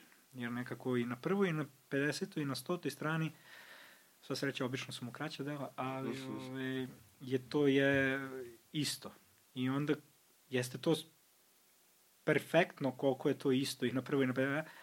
ali malo mi to ove, malo mi to stvara zamor. Da. U tom smislu. Mnogo više volim ovo divljanje, ako je isto... Da. Da ne idem sad neke analogije, ne volim analogije, ali da, da. Da, Prosto sad... Bernhard mi je drugi tip pisaca. Totalno drugi, da, da. Sad, pa to je ono sad, uh, da li, da li imamo tu neke različite tipove pisanja, ajde, da, ajde tako ćemo sad reći. Uh, imamo već spomenutog Tabaševića i tako dalje, koji spuštaju, koji, se, koji muče jezik maksimalno moguće, kao što si već rekao. Uh, I imamo neke druge tipove koji pišu na neki jednostavniji način. Ajde da kažemo, šta je tebi, da li to ima veze sa nekom naklonosti, odnosno da li to ima veze sa određenim objektivnim kvalitetom, ako to uopšte i postoji. Uh, šta ti misliš o ljudima koji pišu na neki jednostavniji način i Da, ne znam da li postoji objektivni kvalitet ono, bilo čega, ali ovaj, da. hm. I isto tako nekako ne bih delio pisce u tipove ili ne znam. Tako je, u te neke kategorije. Verovatno istoričari i teoretičari umetnosti bi mogli da naprave naravno neke kategorije ili da smještaju nešto u ovaj ili onaj koš i tako dalje. Ja stvarno nisam potkovan ni tim znanjem, ni tim uh, E, terminima, pa ću da se sačuvam od nekih ovaj, bezveznih komentara. Ali ja stvarno verujem nekoj svojoj čitalačkoj intuiciji sad već. Imam 36 godina i to kao tonu nekog najrazličitijih mogućih iskustva iza sebe i zaista se prepuštam nekom instinktu. A vidim da mi to sve više i u pisanju uh, uzima uzima maha. Da, da se prepuštam nečem, ne bih sad da mistifikujem kao on pun mesec pa se tad piše ili šta već, nego pisanje je najvećim delom ta disciplina i nema tu sad mnogo se mudroje, ali u toj disciplini puštam da više neka možda ta kao osjećanja igraju ulogu nego promišljanja ali da li volim jedno ili drugo, jedno i drugo i treće i osamdeseto, jer kao i, ono, ima izraza i tipova koliko ima i pisaca, rekao bih, ali opet s moje ove laičke strane.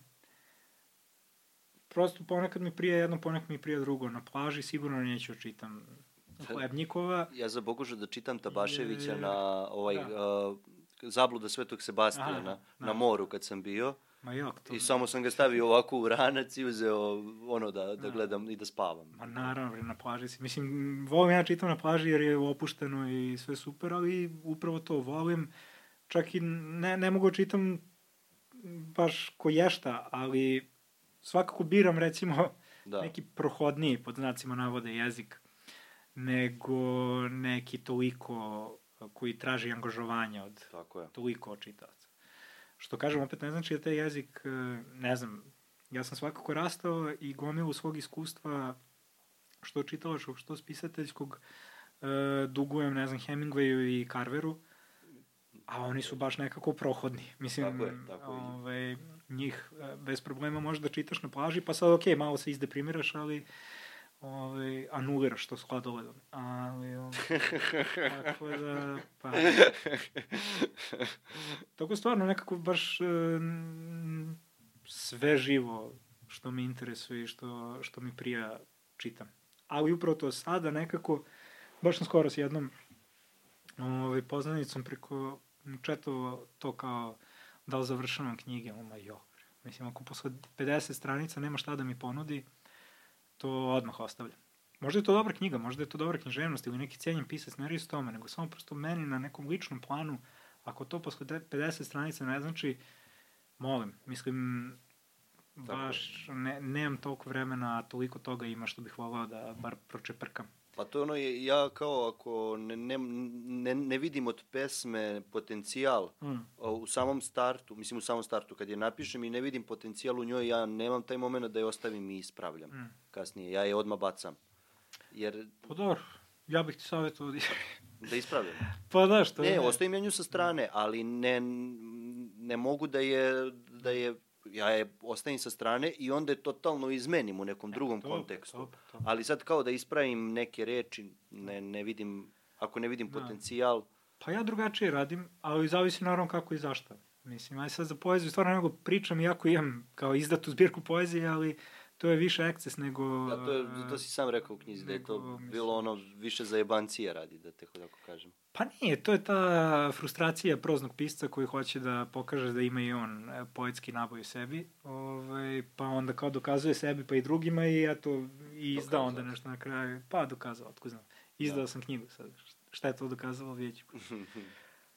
Ali imalo je to svakako svog udela u celom projektu, ali nije to sad nešto što ja previše kako kažem, vrednujem u svom stvaralaštvu i čemu se vraćam ili razmišljam da pišem novu zbirku i tako dalje. Prosto nešto mene ta kratka proza najviše drži i to me najviše nekako se uvek usmeravam. E, čak i ovaj roman Deca nedođina, dosta je kratak, dosta ima tu neku kao filmičnu strukturu i u tom smislu um, to, dobio sam čak i neke komentare, e pa kao ovo više liči na scenariju, što ne probaš film da napraviš, a kao opet s druge strane sam dobio komentare, pa ovo nije baš toliko filmski, ovaj, onako ima dosta proze, pa tako da mišljenja su uvek oprešna. No, e, Samo da, pa ono, ono što, kako volim bar da radim je da prosto se vraćam jedne stvari milion puta, pa da je ostavim, pa leži, pa je se vratim opet, pa je mrzim, pa je se vratim opet, pa je volim, pa mislim, i to je meni bar jedini način da ja nešto svoje dovedem do trenutka kažem, e sad ovo kao, treba da pročita moja žena, treba pročitaju neki drugi proofreaderi, pa onda će kao da ide kod, kod izdavača e, možda. Ako ja se do, ne predomislim. I to je negde najlepši deo, to, to guljenje svih tih viškova, meni bar. Da. E, volim ja i da pišem, naravno, volim i to da ispravljam i da čitam ponovno. Sve, sve to je jedan velik, obiman e, proces koji ima više svojih nekih e, delova, ali možda mi je najdraže to kad krenem da ljuštim te viškove. Mhm. Onako oslobađaš se nekog balasta, puštaš te svoje ovaj, Pesme da dišu ili pa Da, priče. priče ili šta god, da, da, Da. dišu, da... Izvini sad zbog pesme, ja to sad... Ništa, ništa, ma ne, ma sve okej, okay, okej, okay, prosto uradak. Ja, ja sam tu ono, trenutno u aktualizaciji sobstvenog i Ako, ako, jasno. rada. Tako da, to je nešto što mi donosi najviše kao nekog, ovaj, najviše neke satisfakcije, da tako kažem. Ali i samo pisanje isto, pogotovo kad sam se uspeo da ratosiljam tih e, fakultetskih nekih e, usmeravanja profesora kako to treba, kako se pristupa temi, ideji, d, d, d.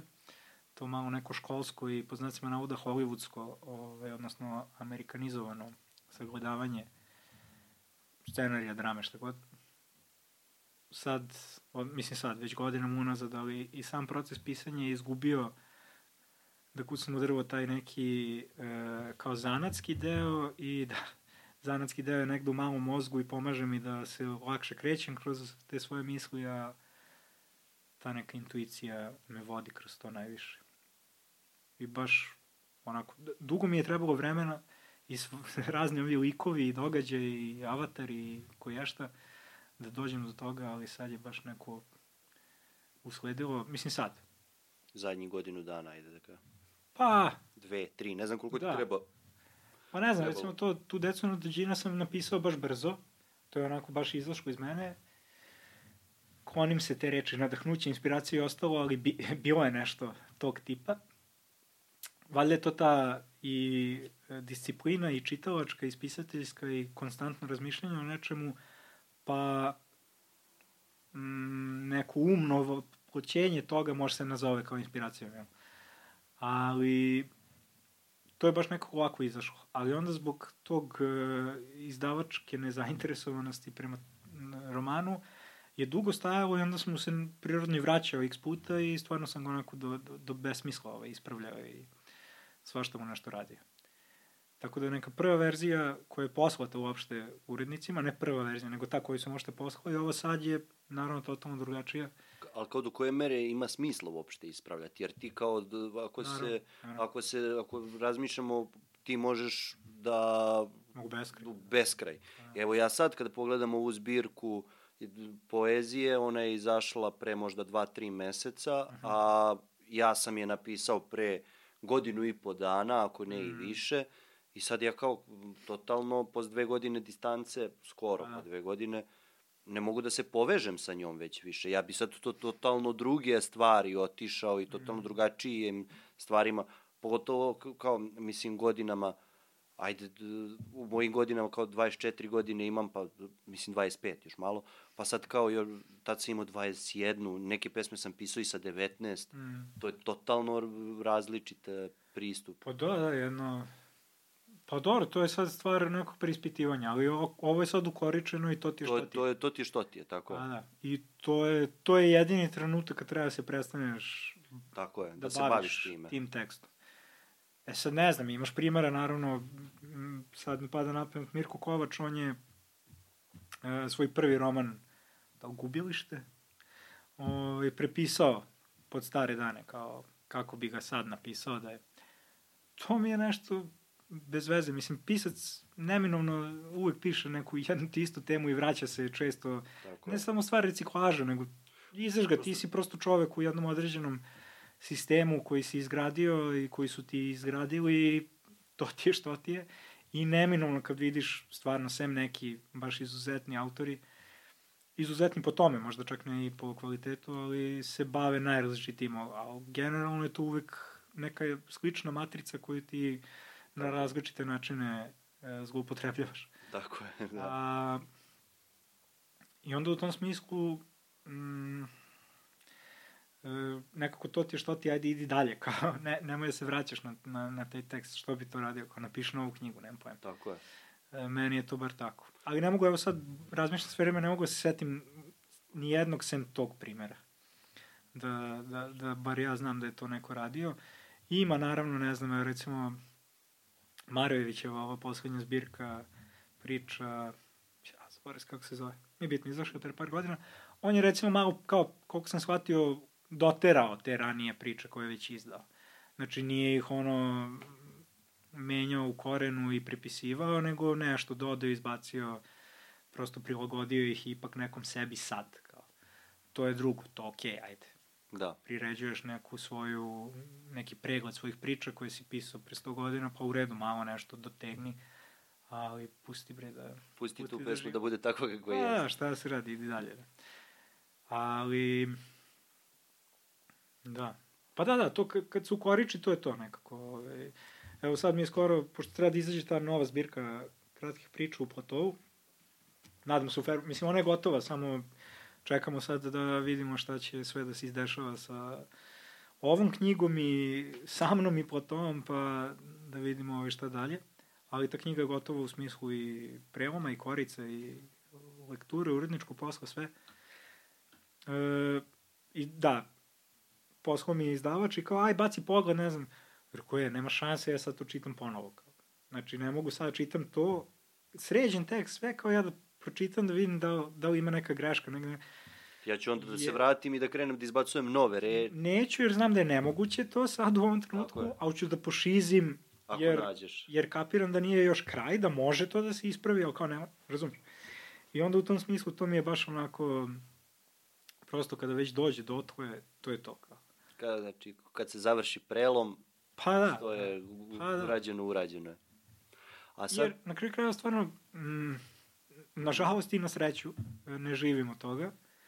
Nažalost, jer bi bilo mnogo komotnije živeti od, od nečega što voliš da radiš i što toliko radiš. A na sreću, valjda zato što me onda i ne obavezuje toliko stvari. Ne moram da pišem tri strane dnevno ko Stephen King i tako dalje. Da. Ali, e, valjda zbog tog vremena koje prosto posvetim svakoj knjizi i tog puštanja da odleži, pa tih ljudi koji je čitaju i kažu mi neko svoje mišljenje, ovaj, a koji su naravno probrani jedan mali broj, nije to samo kao na 15 adresa da šaljem pa kao šta misliš, nego ljudi kojima verujem prosto u njihov čitavački sud. To onda nekog sam miran. Znam da je to, bar u tom trenutku, najbolje što je mogu, pa sad. Da. Šta da se radi. A, sad, a, da li si ti počeo da se baviš pisanjem pre tog fakulteta koji si upisao ili je on bio neka, neki put koji ti nisi planirao da ideš pa odjednom eto tebe tamo? Kakav jeste, je? jeste, ja sam nažalost krenuo tu negde s 15. godina da pišem. Dobro. Što nažalost? Pa ono, srednja škola, kao treba da ovaj, radiš sve drugo, a ne da se zatvaraš u sobu, čitaš i pišeš, ali... Ovaj, Slažem se, dobro, ali, da. Ali eto, to, to je bilo tako. Šalim se, imao sam ja ovaj, i boga društveni život pored toga. Ali, ali jeste, u jednom smislu ti ipak malo ovaj, od nekog uh, kao ustaljenog odrastanja to odvoji, što ok, nema problema. Ali šta, ja sam krenuo da idem u sekciju za stvaralačko pisanje u Centru za talente Mihajlo Pupin u Pančevu, koja je tada držala Jelena Žurić, žena Vuleta Žurića. I Vule tada imao otprilike godina kao ja sad i on je bio ono ponekad, ne gostujući tu na samim predavanjima, ali ono, sedeli smo ponekad na kafi s njim, pa i on kao iskusni, tad već izdavani ovaj, pisac je nama te radove najpočetničke moguće, ono s 15-16 godina komentarisao ali su to bili i dalje su ovaj, ti dobri čitaoci koji neće da te, odnosno e, proofreaderi koji neće da te smaraju kako bi oni to napisali, da su oni to napisali, nego te upravo usmeravaju da to što si ti i kako si ti bude samo još bolje i e, da, da bude konkretnije, da bude bogatije. Tako da sam nekako uz njih što se tiče književnosti rastao kroz celu srednju školu. I onda isto, zahvaljujući njima, sam i upoznao Igora Marojevića, koji je bio moj prvi urednik u Laguni, gde sam kao klinac od 20-21 godinu izdao, znači 2008. sam izdao tu prvu zbirku priča, priča o pivu. Da. I, dobro, to je jedan, kako da kažem, svojevrstan, ono, navlakuša od naslova, te priče su što ti kažeš, znaš, pisao sam neke priče, tu su bile, ono, imao sam 15-16 godina kad sam ih pisao, neke 20, što nije baš preterana razlika. Da. Ove, I onako pate od najrazličitih mogućih dečih bolesti. Ok, neki bih, nisam baš davno se vraćao toj knjizi, ali ne, neki bih svakako zadržao i danas, pa nije, nije to sve, nisam sve u fazonu sve bih bacio, ali prosto jedna početnička knjiga koja je nekim ludim slučajem dospela do tog Baš tog izdavača. D izdavača, da. ovaj, koji je tad tek kretao sa domaćim autorima. Znači, to je bila jedna mala edicija tada, još se nisu svi ovi živi razni priključili, ti stubovi kulture, odnosno ostaci narodne knjige su i dalje postojali, autori su i dalje bili po nekim manjim izdavačkim kućama i tako dalje i tako dalje. E, ali Igor Marjević je uspeo, znači ja sam mu dao jednu kupusaru, ono, od, uh, ko sve moje priče sam mu prosto dao, kao evo ti. onako ovaj, malo previše smelo možda. Da. E, a on je bio e, ne samo dobar urednik, nego i kao fair čovek, jer tražio je to, znači oni su kao očigledno tražili nekog mladog autora, nešto sad oni tu da naprave. Nažalost, dobili su mene tada, ono, dosta onako nadrndanog i neraspoloženog i ovaj, u nekim svojim tripovima kako ta književnost treba da izgleda, kako pisac treba da izgleda i da se postavlja i tako dalje. I uopšte nisam kapirao šta je Laguna, kao, odnosno šta je tržište, šta je ono kao ja sam u sobi pisac tako dalje. I kako to trebalo da se ponaša. I onda je ta knjiga nekako od samog tog svog naziva priča o pivu. E da, a šta? Znači ja sam njemu dao kupusaru i on je nekako prepoznao u tome zajednički neki činilac koji je pa kao gomila likova pije pivo, ajde da usmerimo ka tome, to je dobar naslov, ono, keči je, prodavaće se, nemam pojma, na kraju letelo i jedan pivo kao sponsor. Tako da, ovaj, i to se, ne znam, prodavalo nešto na Beer Festu. Mislim, totalno, ono, loše usmereno, znaš, sad se, tad sam još imao Facebook, neka žena me sa Koponika cimala koja ima kafanu tamo, da li sme da stavi neki natpis iz uh, moje knjige kao na jelovnik.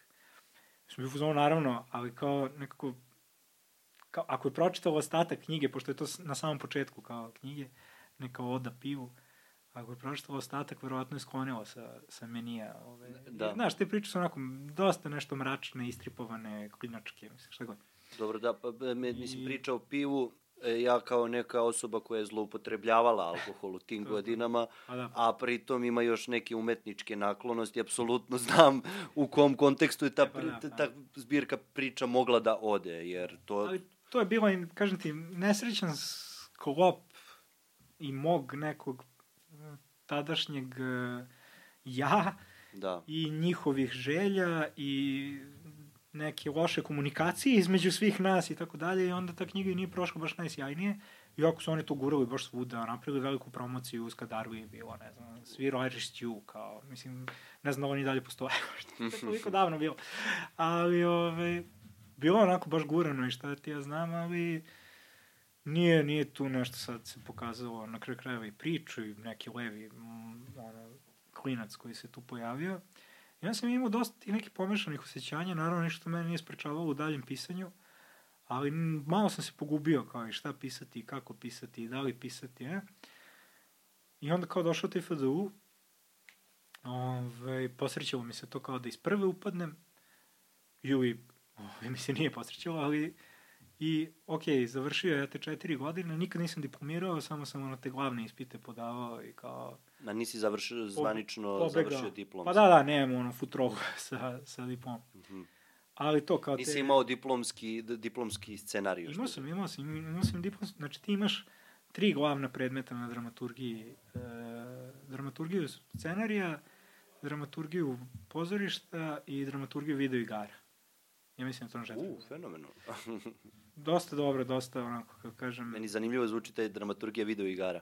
Pa da, da, dosta onako dalekovido, pogotovo u tom trenutku, to je sad neka već 2011. 12. znači pre da. deseta godina kapiram da se to sad još više razvilo, odnosno da taj predmet ima još više smisla, ali u svakom slučaju to sam sve podavao, ta diplomska drama je igrana na Extrater Festu u Pančevu, a onda sam je kao Kosta Carić uspeo da izdam, odnosno da dobijem tu nagradu Slobodan Stojanović u Požarevcu i oni su štampali kao u okviru nagrade e, novčani iznos i štampanje drame. A o tome detaljnije pišem Piše u, u knjizi, pa što se da kaže, ne, izvolite. Izvolite, čitajte, tako, tako je. podržite malo autor. E, ali nekako na tom faktu sam se baš pogubio. Ono, tu sam se tek pogubio. To ne samo ne... zbog zloupotrebe upravo ove psihoaktivne substance. Pitam nego... te o tome zato što si to negde spomenuo, ali u knjizi nisi o tome mm. mnogo pričao. Pa nema tu šta da se priča, klasično u smislu, kažem, ja sam ušao tu kao, aha, evo, i to je isto kao sad ti si mnogo važan, upisao si iz prve, kao bio poslednji na listi, nema veze. pa nije ni važno koji si bio, važno si upisao. Da. A dobro, da ne bude sad ono, za mnogi stvari se vidim hvataju ljudi, pa što se kaže, sve crno na belo. Da, da, da, da.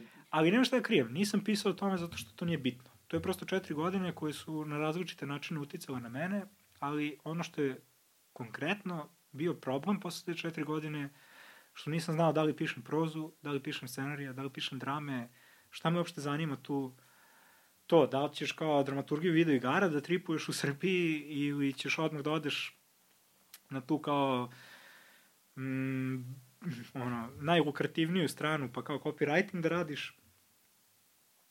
A ništa mi se od toga nije radilo, samo mi se pisalo.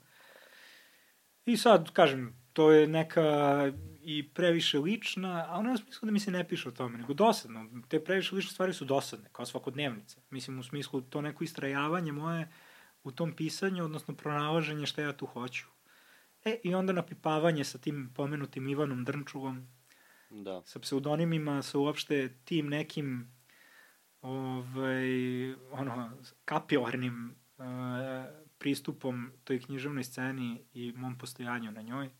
Pa okej, okay, onda ipak dođem do toga da izdam i drugu zbirku priča, kao Miloš, da. kod partizanske knjige, Umorni kao psi, osvojim tu neku nagradu Ove, sve super, ali od toga ne bude ništa. Mislim, i onda se i s njima nešto posvađam.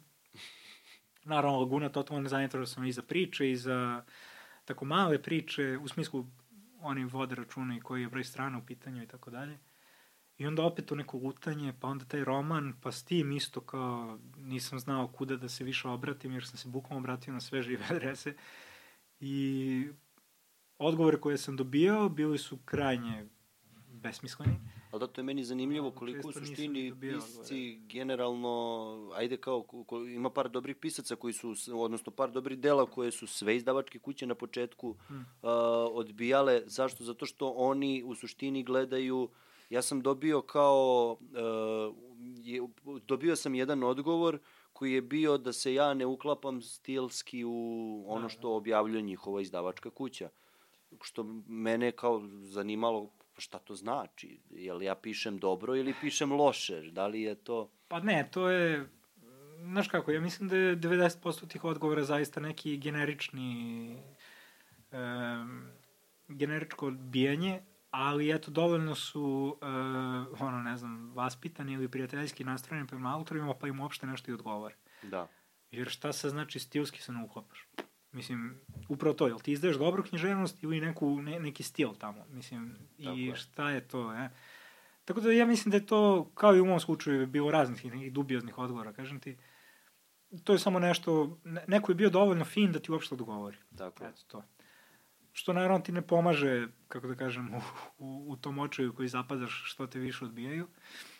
Ali upravo zbog tih nekih ljudi koji su to pročitali u to decu na zađina, u, u, u nastajanju i u svim tim nekim evolucijama, ja sam istrajavao jer sam im verovao da to nije neki moj e, trip ili neka moja umišljenost ili ne znam nije šta, nego da ipak bi bilo dobro da se to pojavi na, na, na sceni. sceni. Ili kod izdavača, pa sve šta god to znači. I jedva nešto ujuri taj plato ovaj, u, u, u fotofinišu već i mojih strpljenja i uopšte adresa na kojoj bih mogao da šaljem taj roman. Ima naravno gomila tih nekih izdavačkih kuća, to znaš sam, ali ajde možda za slušalce, crtica gledalce da... Znači ima gomila baš izdavačka kuća u Srbiji koja će ti oštampaju knjigu za spomenutih 300, 400, 500 evra. I to će ličnu knjigu u smislu imaće korice, bit će registrovano, proći ćeš čak možda i neku, da, pa to, to, da, da, da. znači moći ćeš da šalješ na nagrade i konkurse, ovo što je ali neće s tom knjigom ništa da radi. Tako je. Neće nigde oni da je šalju, neće oni da se cimaju, ne, ne postoji nikakav marketing. Nego oni od toga bukvalno i žive. Pritom digitalna štampa, ti verovatno potpišeš neki ugovor, aj kao sad zaista pričam na pamet, pa me ti ispravi, ali ti verovatno potpišeš neki ugovor da oni tebi daju upam 50 komada, a da oni ostalo distribuiraju, a oni to ostalo ne moraju ni da štampaju. Mislim, mogu da doštampavaju, da... Baš ono, se o tome i radi, tako. Znaš, I sad, ne želim da ulazim u to kao sad, a to su sive ekonomije, nešto. Ne, kao prosto digitalizacija ti to omogućava i to je okej. Okay. Tako je. Ne moraš više da imaš hangarčinu, ono u kojoj ćeš da skladištiš neke knjige i knjige i knjige i koje niko neće čitati, grickaju miševi i tako dalje. Ali ružno je jer se izdavači peru od svega i, i ugovorom i svime time da ne moraju ništa da rade. Jer oni svoj ugovorni deo su ispunili što se tiče distribucije, ako u tri knjižare ima jedan tvoj primjerak. Jel? A šta je s ostalih, ono, 300, ne? Jel? E sad ti možeš njima to da tražiš, pa kao ti da prodaješ, pa ima tu raznih nekih ugovora i pogov, ovaj... Uh, Aneksa. Aneksa, da, da, da. Ali svodi se na to da oni neće to da... Nije to stvarno izdavačka kuća, to je više štamparija. Tako je. I Ima, ima ih baš gomila, mislim. Čak se ni, nije to čak nešto da se kriju. To je nekako vrlo jasno kao šta je. Pa sad ti ako hoćeš štampaš, štampaš, to je okej. Okay. Pa ja sam došao sad do tog čak sukoba sa svojom izdavačkom kućom, na neki način, ajde sukoba, mm.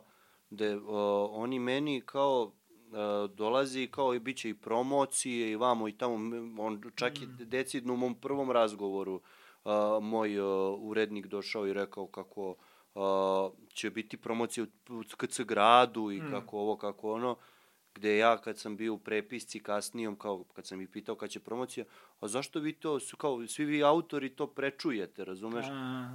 Vi sami organizujete promociju, a mi ćemo vas podržati. Pa to, to, to. Odnosno, kad se grad je onda već stavio cenu da mora a... da se plaća, pa sad odjednom mi to prečujemo. Pa isto, svi, svi ti kafići po Beogradu, bar koji prave knjižne večeri, naplaćuju to. Mislim, svi.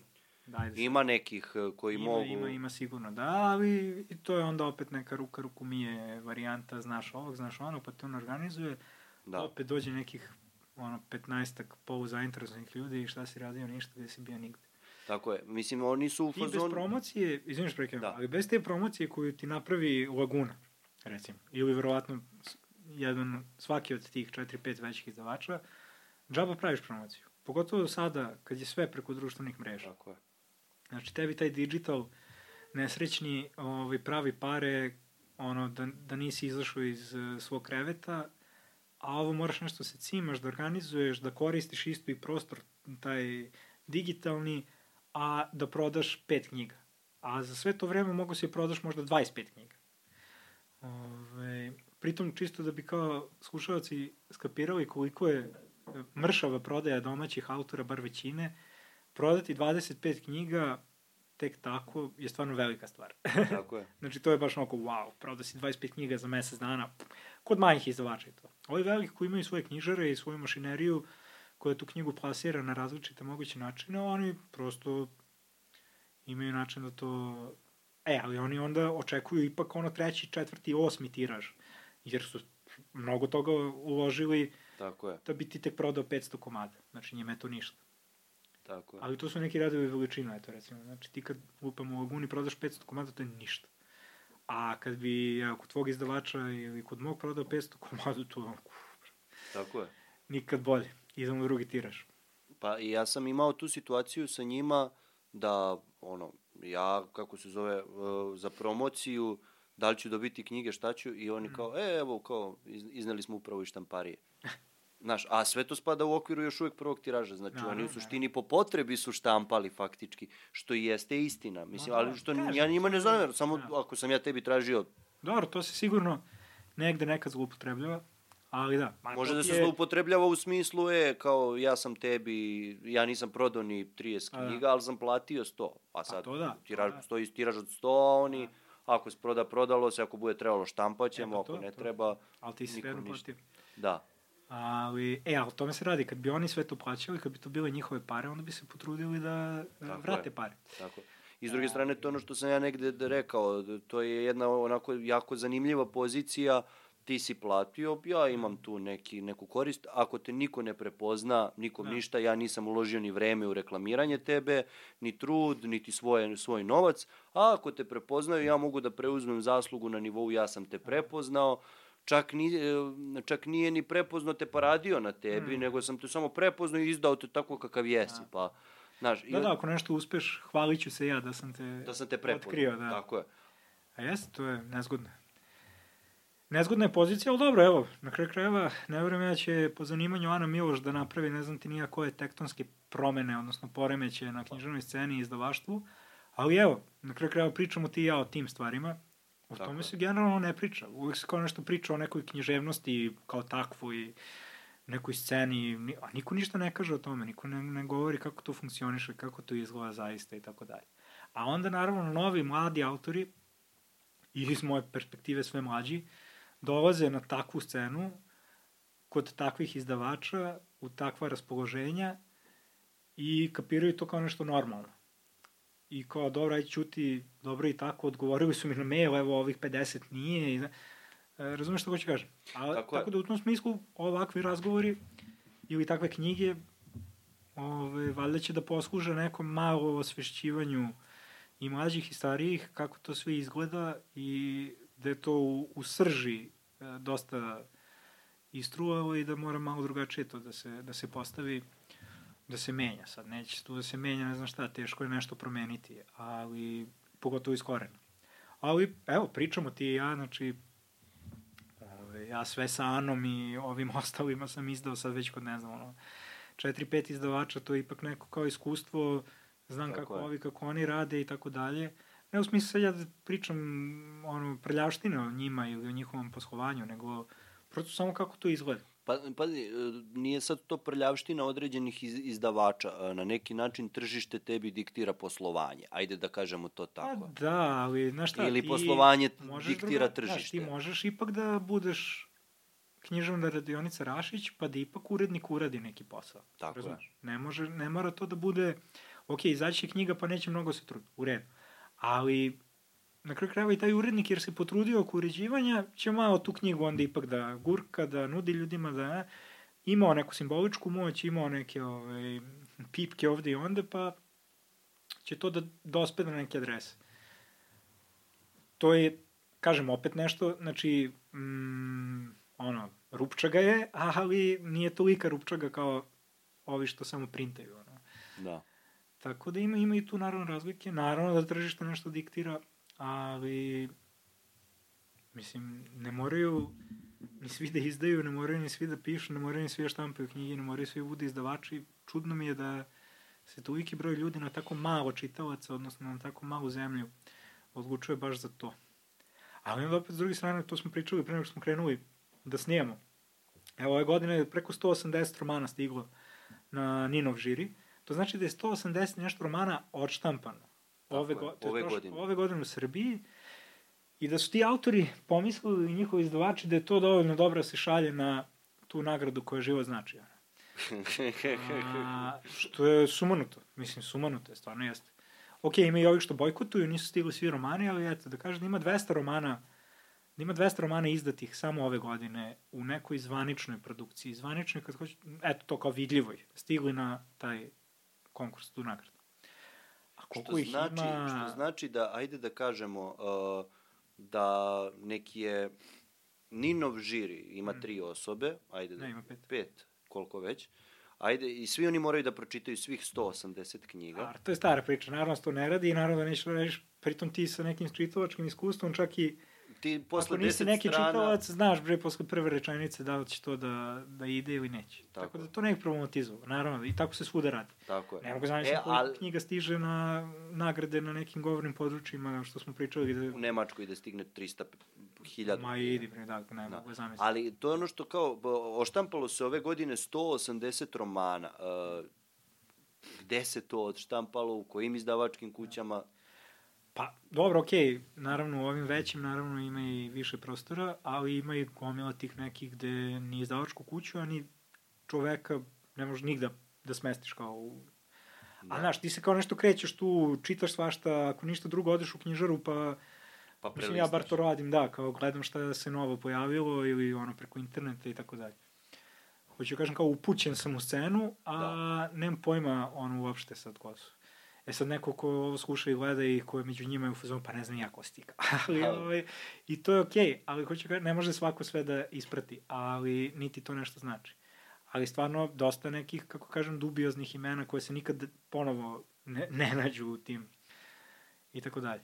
E sad, da li tu čuče neki genijalac koji nikad neće biti pronađen, dok neki taj vredniša za 100-200 godina ne krene da kopa po svemu, pa bez predrasuda uzme i te autore, ja?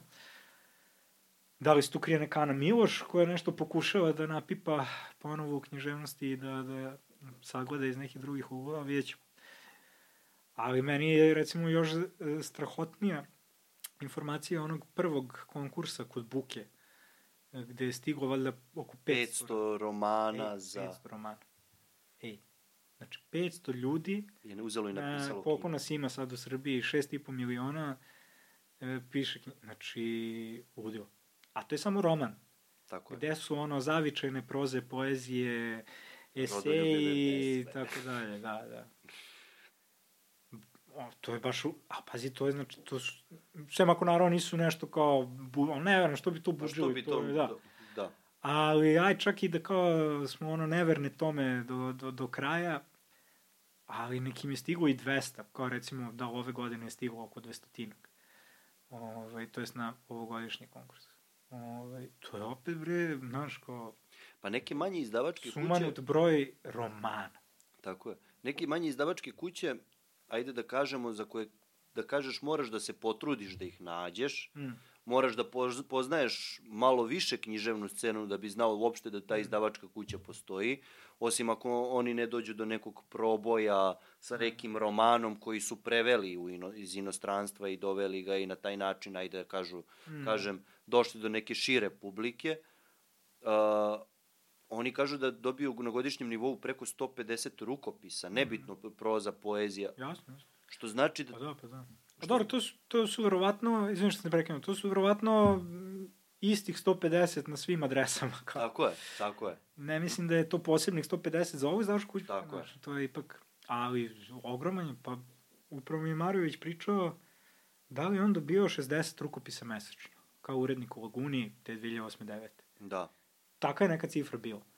Neki pretero, ali, znaš, koja je to količina rukopisa na mesečnom nivou. Ok, sigurno ti neki šalju non stop, ludi su, ne, ne kapiraju Dobro, da. Ove, šta znači ne ili tako da je, ali abnormalan broj ljudi ovde piše i misli da to što piše je dobro. Je dobro ili bar dovoljno dobro da bi neko trebalo da pročita i uredi i tako dalje. To je, Mislim, naravno, niko nešto ti zabraniti, mi se baviš niti treba, ali izgleda da ipak malo ta grafomanija, skribomanija uzima ovde prevelik udeo u, u toj sferi. Pa da, to, ali to je ono što ti kad pogledaš kao, ajde za vreme romantizma srpskog ti si imao m, ajde da kažemo, aktuelne pisce koji su bili poznati u aktuelnom trenutku, mm. ali to je, njih je bilo malo, mislim malo, to je bilo 30 ljudi koji su pisali i prosto ti nikog drugog nisi imao tu i onda si mogao da znaš za 30 ljudi mm. koji se bavi pisanjem. A ti u ovom trenutku ispratiti scenu, znači da ti moraš da ispratiš 180 mm. romana koji se nominovalo za Ninovu nagradu. Ali, Samo ako ćeš roman. A? Samo ako ćeš... Da, ali kažemo, znači, to, to je roman, ali roman nije jedini, jedina književna vrsta pa to, to. koja, mislim... Pa mislim da pesam ima bar puta tri još. Tako mislim, je. zbirki poezije. E sad, postoji gomila tih konkursa kod nas za prvu knjigu. Ima čak i za drugu knjigu, to je, Tako je. isto dobra stvar. Jer stvarno jeste tu prvu knjigu lako izdati, ako ništa drugo, mislim lako. Pretnicijozno reći lako, ali e, ako ništa drugo to, neko na kraju mu pukne film pa plati. I kao, ok, izdasi prvu. E, a upravo to, sad drugu... Šta dalje? Šta sad s tim, znaš? Tako da je cool taj, taj konkurs koji je u Somborskoj biblioteci kao za drugu knjigu. Ali hoću reći da možda... A šta će onda sa trećom? e, pa dobro, sad što se kaže, nek ti Bogu pomoći. Tako je. Ali, ove... Jer kažem ti za Somborsku biblioteku, mislim, ali To su e, konkursi, ako te ne nađe neka izdavačka kuća preko toga, pa ne reši da uradi reizdanje. A ne, ne, nije reizdanje, oni prosto štampaju drugu knjigu. Drugu knjigu u smislu, evo sad ti imaš ovu knjigu i ovu drugu koju napišeš, da. šalješ tamo na konkurs i to je samo za drugu knjigu. Znači, da. za neobjavljeni rukopis. Da. Znači, I to je Somborska biblioteka prodaje ili... Oni da, to je njihova izdavačka delatnost i oni to rade. Oni su sad pokrenuli tu novu biblioteku, zaboravim kako se zove, to je ediciju, Tu je recimo Darko Tuševljaković izdao ovaj Hangar za snove, to je zbirka priča koja je osvojila Andrićevu nagradu. Pazi, tu knjigu, znači ja sam platio više, ovaj, to je sad onaj problem te distribucije, izdavača i tako dalje. Jeste, to je neka biblioteka iz Sombora, ovde je centralizovano, znači ako nije Novi Sad, Beograd, Niš, eventualno koji da ne postojiš, tako dalje ali, odnosno... Pa dobro, nije Sombor baš ćeš... što, Sombor što se tiče kulture, recimo ja... Ne, ne, imaju oni festival i ta biblioteka ima i za da. prvu da. knjigu, i za, super su oni, kao i gomila drugih manjih mesta, imaju bogat uh, kulturno-umetnički sadržaj, što bih rekao. Ne, ne, ništa tu ne... Ima čak i dobro pozorište, fenomenalno. Nego... E pa da, da, tamo ima pozorište. Ali hoću da kažem, uh, ti prosto, uh, ako si u Somboru, možeš da budeš taj somborski autor ako si se na to opredelio i to je to. Ali to je odmah, evo već i kao ja iz Pančeva sam dobio neke komentare kao, a što ti to ne izdaš kao u Pančevu, imaju oni neku izdavačku kuću, znaš kao odmah te nekako fiokiraju ono, neke, razumeš, te, te fioke. da, da. I neki, neki ne, ali hoću kažem, ima i toga. E, i onda u tom smislu, uh, kažem ti, eto, Hunger za snove, ja sam više platio poštarinu nego knjigu, mislim, bukvalno. E, ta loša distribucija svakako nije bolja ni za tu drugu knjigu, koja je ipak u okviru konkursa, onako još, kako da kažem, svedenijeg e, dizajna i tako dalje.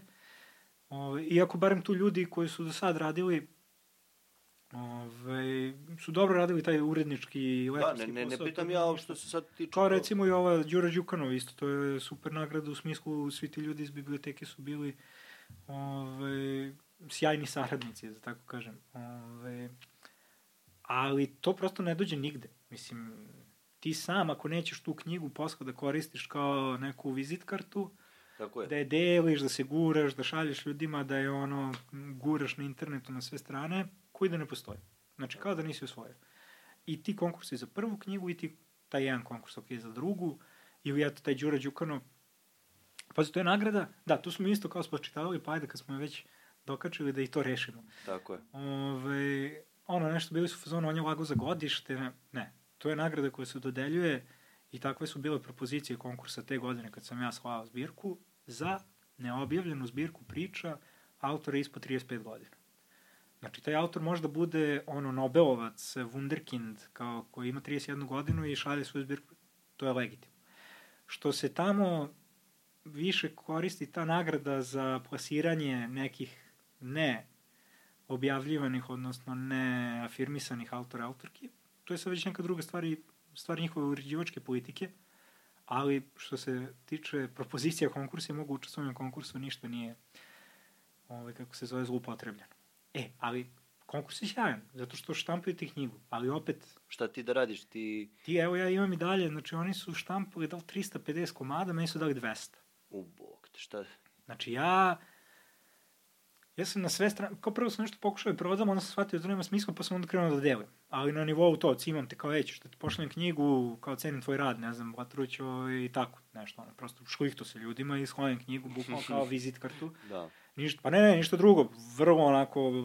Ove, Poklo, pokloniš im i... Poklonim, da, i kažem, vrlo sam nekako šlihterski nastupao i ove, to neko, je, neko je zagrizo, neko nije, okej. Okay ali ovaj, neko je bio normalan, neko ovaj, se napravio mnogo važan i tako dalje, ali ok, sve su to ljudski reakcije, ali šta hoću da kažem, znači sem ako nećeš to da radiš, i da onda se ipak tako malo nekako ne uspostaviš na toj sceni, negde si onako neka, neka lampica koja ponekad blicne, pa na taj način ipak dođeš do nekog izdavača. E, ali eto, mene recimo posrećilo mi se užasno, naravno, ali zbog tog silnog gurkanja i toga sam došao do te buke, odnosno oni su kao to ime negde videli, prepoznali i ta zbirka poezije izašla, tako da ipak je to bilo kao neki pravi, pravi izdavač ovaj, i tako dalje. I u tom smislu to je to je baš bila neka, naravno uz pomoć nekih poznanstava i tako dalje, to jest Marijinih poznanstava, Ovo, ja sam tu sve vreme bio ono kao totalno u, u, inkognito. Pa da, pa da.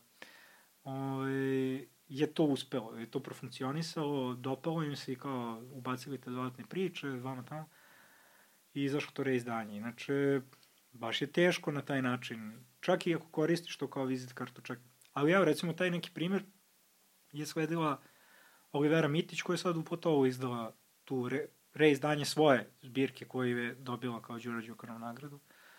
Tako da, znaš, nije, nije to... Mm, krenuli su ljudi to tako da kapiraju, da koriste, videli su kako to može da bude ipak korisno, da ne bude tek ono, mrtvo slova na papiru.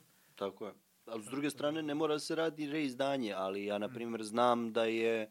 Uh, ja mislim da je, da li u Somboru isto ili negde, Uh, moja jedna poznanica i bivša gošća o Katarina Mitrović, Aha, dobro, znam. koja je izdala onaj svoj, tako reći, roman u stihu, to, to, to. Uh, poemu u ovoj enklavi.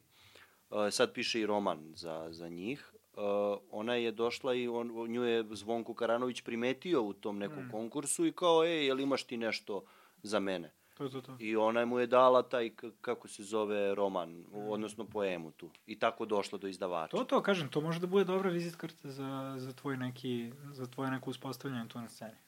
Neće možda dovesti upravo to do reizdanja, dovešće do nekog novog rada. Tako je. Do saradnje, do to, kao neke prijateljske ruke pružene u, u tvom smeru itd.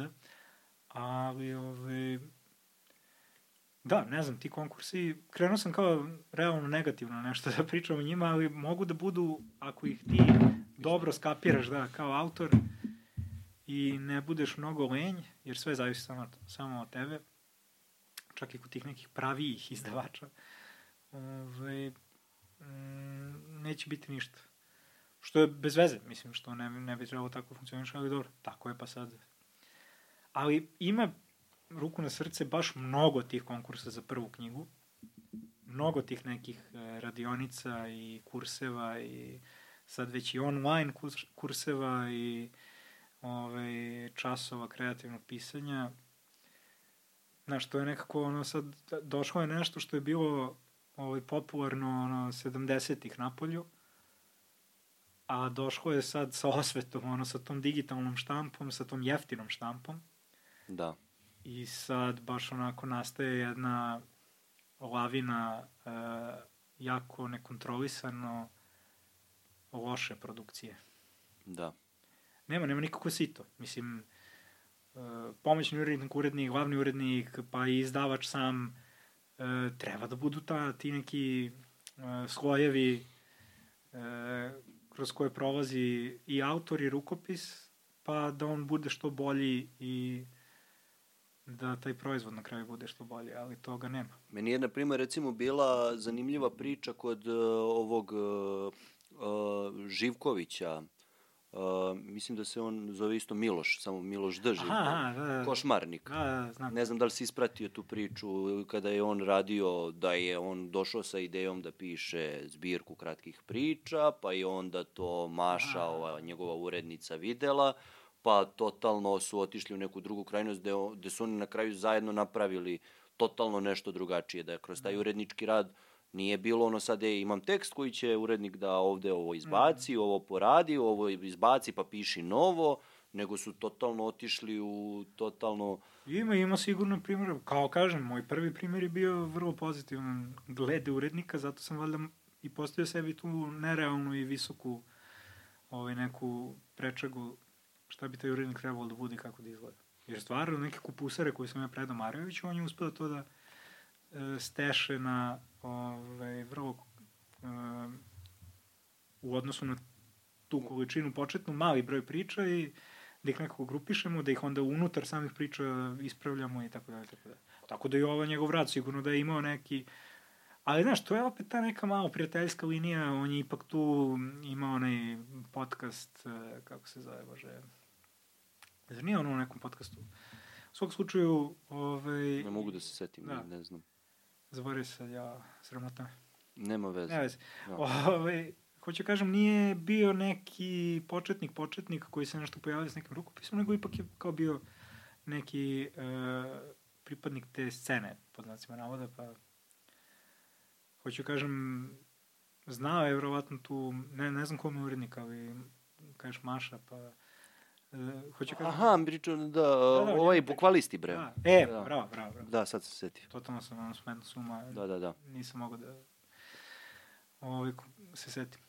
Mm -hmm. Hoću kažem, imao je već neku platformu. Tako je. Znaš, e sad okej, okay, nije, nije problem imati platformu, ne, ne pogrešno shvatiš, nego kažem, je, a ne, ne, evo nas kao. Tako je, tako je. Ove, na platformi. Ali, e, malo je urednika spremno da toliko rizikuje... Pa ona je njemu bila, ona je faktički njegov prijatelj. Pa, to ti kažem. To ti Znaš, kažem. oni su, tako da je ona bila spremna kao... To ti kažem. A sad, da li bi ona došla nekom ko je no name, pročitala mm. neku A. zbirku priče i došla i rekla sad ćemo ti i ja da sednemo i šest meseci da pravimo od toga roman. Jer ja ne vidim u tome zbirku priča, možeš od toga roman možda da napraviš. Pa dobro, svako i unosnije uvek. Ovaj, s druge strane ti... Nabučiti zbirku priča u roman, ako je moguće. Tako je. Ali, ove... da ti si imao ono jednog izdavača, ju, ja bi ti izdao duplo lošiji roman, da je, samo da je roman. Je li tako bilo nešto? Kaj, A, ne, ne, ne, ne, ne. Um, ja sam izdavaču jednom poslao upravo to kao e, spomenutu vizit kartu, taj kraj raspusta, bez ikak, mislim da čak ni u mailu nisam bio rekao da imam želju da to reizdam ili nešto, nego kao eto da to pročitati. I javio se sam, ono, posle par dana, kao sve super strava, mislim to, kao neki dobronamerni komentar nekom početniku na tom nivou, i, ali je rekao, kaže, ako napišeš duplo lošiji roman, ja ću odmah ti ga iznam. Samo da je roman. U smislu neće onda izdaje sad ovo ponovo ili da je to kao da, buka da. ovaj, dopunjava ili nešto, nego kao ako imam roman, makar bio i lošiji, će ga izdati. A za to vreme mu čuči u inboxu uh, ova deca nedođina koja nikako ne mogu da nađu ove, da. izdavače. Za, zato je ta epizoda u, u knjizi zato mi je to bilo zanimljivo, zato što kao nekako dobio sam totalno oprečne odgovore. Da, ti dobijaš uh, s jedne strane kao Ana Miloš da. mogućnost da, da izdaš romana, da. a ti lično koji si pisao tu zbirku priče imaš roman već koji je koji, koji stoji njih, da, u koji spremu stoji, ili nešto ne da, da, da, koji totalno ono da. e sad I koji znaš to, to isto sad kao ja sam svestan na kraju kraja to i pišem u knjizi to je jedan od pokazatelja da svi ti kritičari ove knjige u stvari nisu ni pročitali knjigu ili bar Tako ne detaljno e, i sam kažem ok, jedno je roman, zbirka priča zbirka pesama, ddd sve to stoji ali valjda i taj roman nije toliko bezvezan i toliko loš da je toliko ovaj, ne, nepodoban za izdavanje svuda tuda gde sam kao ovaj, Ana Miloš vrlo lako imao pristup. Što na neki način da. možda im implicira da donekle kao, ok, došli smo do toga da žene da, jesu imale problem sa izdavanjem knjiga, da se nisu žene priznavale kao pisci jako dugo i da smo mi došli sad u situaciju kao da pokušavamo to da okajemo sa time što ćemo uh, možda dati mm. primant tom nekom pod znacima navoda ženskom jeziku, pogotovo sad te agende i taj neki aktivistički stav pa da, da. književnosti. Da. Još... To pravdanje, to je upravo to. To je nešto što tržište traži. Tako I je. što onda nekoga ko se bavi književnošću, koji u tom tržištu, koji se bavi izdavanjem, ovaj, zanima. Više nego književnost. Da, pogotovo sad ono kao, to si ti e negdje sad... pričao, da kao 70% žena su čitaoci, 30% muškarci. Nisam ja, to je neko drugi pričao, nisam se bavio ili si, nisi ti, da, da, da. Da li sam, ili sam to ja negde pročitao sad? Pa ne, ne, jedan od o, izdavača, Ane Miloš, a kasnije je to i sam rekao u podcastu nekom, E, da, bravo, jeste, on je rekao. Je, je kazao to da muškarci ne čitaju, oni boje kladionicama, a žene čitaju žene hoće čitaju žene. Okej, okay. mislim, kažem, s te njegove trgovačke strane, jasno mi je šta hoće da kaže i šta je. Jako neprijatan jedan podcast Ali, je bio u pitanju. Da, pa ne, se, se... E, a iskreno da, vidio sam samo taj deo zato što je baš bio, mislim, poslali su mi ga, ali to mi je bilo zanimljivo, jer ja sam mislio da on to, to mi je ovaj, Marija prepričavala kasnije kad se s njim sastala, ja sam mislio da on to njoj rekao nekako kao u poverenju, odnosno da to ne priča tako otvoreno. Jer ipak brand te izdavačke kuće upravo jeste to kao osnaživanje, ovaj, sloboda misli itd. A kao to, ženske teme, ženska književnost i tako dalje. A u stvari ti najotvorenije kažeš u javnom prostoru da tebe samo zanima uh, da profitiraš Tako od, od te ovaj, u stvari muke, više vekovne, jer ako gledaš to kao da žene nisu izdava, apsolutno nisu. I danas ima mnogo više muškaraca koji izdaju nego žena. Tako je. I to je sigurno nastavak ne neki organizovani, ali prosto nastavak jedne, kako da kažemo, ovaj, loše tradicije. Ovaj, I kod čitovaca, i kod izdavača, i kod svih. Mislim da kao prosto da više veruju ili šta god muškarci. E, ali kad ti praviš od toga profit, a prodaješ neku aktivističku priču, a kad si pritom i autor takve neki, takvog nekog dela, e, onda to, onda to postaje problem. Onda to postaje nešto što mene nervira i o čemu pišem na kraju krajeva u knjizi naširoko i tako da razumem ja što mi zameraju to kao sad on se oglušio to kao vekovno ove, neprisustvo žena u književnosti i uopšte u, u naukama, u umetnosti, ali to, to stvarno nije imalo taj, tu, tu nameru niti ja na taj način razmišljam o tome. Što opet kažem, mislim da svako ko pročita knjigu uh, na tenane, ne čak kao iz moje vizure, nego kao na tenane, će da vidi šta je meni problem tu. Tako je. Ne žene u književnosti, nego... Nije stvar u tome da, da, da si... Kvazi književnost u, u, u našim domovima. Tako je. Da sad, uh, i to, to je ono što po, po automatizmu se postavlja to pitanje da li je sve što uh, uh, se promoviše kao književnost u stvari i književnost. Mm. Da li u svemu ima književnosti ili prosto iza toga samo stoji neka vrsta, ajde reći ćemo tako, a, aktivizma, pa se to po, i promoviše kao književnost. Meni nekako tu naj, e, najbanalniji nekako, ajde, mislim, naj, nije najbanalniji, ali jedan od primera, sad ne želim nikog direktno da prozivam, ali mi se prosto to ne, nekako nameće samo po sebi, jeste knjiga Bukina koja je bila i u užem izboru za Ninovu nagradu čak. Uh, to je Milica Vučković, Smrtni ishod atletskih povreda, koja ja mislim da je knjiga... Dobro, i dobila je Vitalovu nagradu. Vitalovu nagradu je čak dobila, da. Uh, u smislu, to je sad, ove, ovaj, opet moj omiljeni citat jednog od Aninih urednika, to je ono, književna činjenica sad, to je to. Je to. Da, i sad ja sam tu knjigu naravno uzeo i pročitao posle, i ajde kao uži izbor za Ninovu nagradu i sve to. E, puf, ne, ne znam šta bih rekao sad kao, ali meni je ta knjiga samo prosto bila loša. Hmm. Ajde da kažemo tako. Pa nisam nija nešto uživao u njoj, ali Ali upravo je to problem. To je nekako i nepročitano postalo hit, Tako je. jer kao priča neku ovaj, snažnu žensku priču. Tako je, šalje neku ža, jaku ali, poruku. Ok, kao, mislim, ali nivo na kojem je obrađena ta poruka, odnosno dubina kojom je e, prišla toj temi je na nivou, evo, ovako nekog ćaskanja. Tako je. U smislu, e, pa to je loš, pa jeste loše, ne znam. Mislim, nije, Bog zna, meni da, bar to nešto. Opet, opet sad moram da se pravdam kad kažem da je ta knjiga loša, jer je... Ne, ne, ja se pravdam čisto ovako u smislu, to je moj lični sud. Tako mislim, loše su mene i neki drugi knjige. Ali da, to, to, mislim, kao mi Ali, iznosimo... Mislim, ja sam imao veliku, opet neku identitetsku i autorsku krizu kad se onako zalaufala već Ana Miloš sa krajem raspusta i kao to ljudi očigledno već krenuli da čitaju i baš onako u masama nekako ove, ovaj, se pojavljuju i meni u tom inboxu i ne znam na Goodreadsu i ovo i ono. Ja sam onda stvarno bio u fuzonu, čekaj bre, ovo je, ovo baš totalno ono smeće ako se tolikom nekom najrazličitijem spektru ljudi sviđa, jer sam ja kao nešto ubo tu neku ono... Univerzalnost. Neku, ali da, tu ono najpovršniju, pa da to toliko pliva ili šta sto da... Baš sam bio onako debelo u nekom prispitivanju. Jer ja tu svaku knjigu nisam pisao kao Ana Miloš, kao, nisam je pisao s tim predubeđenjem.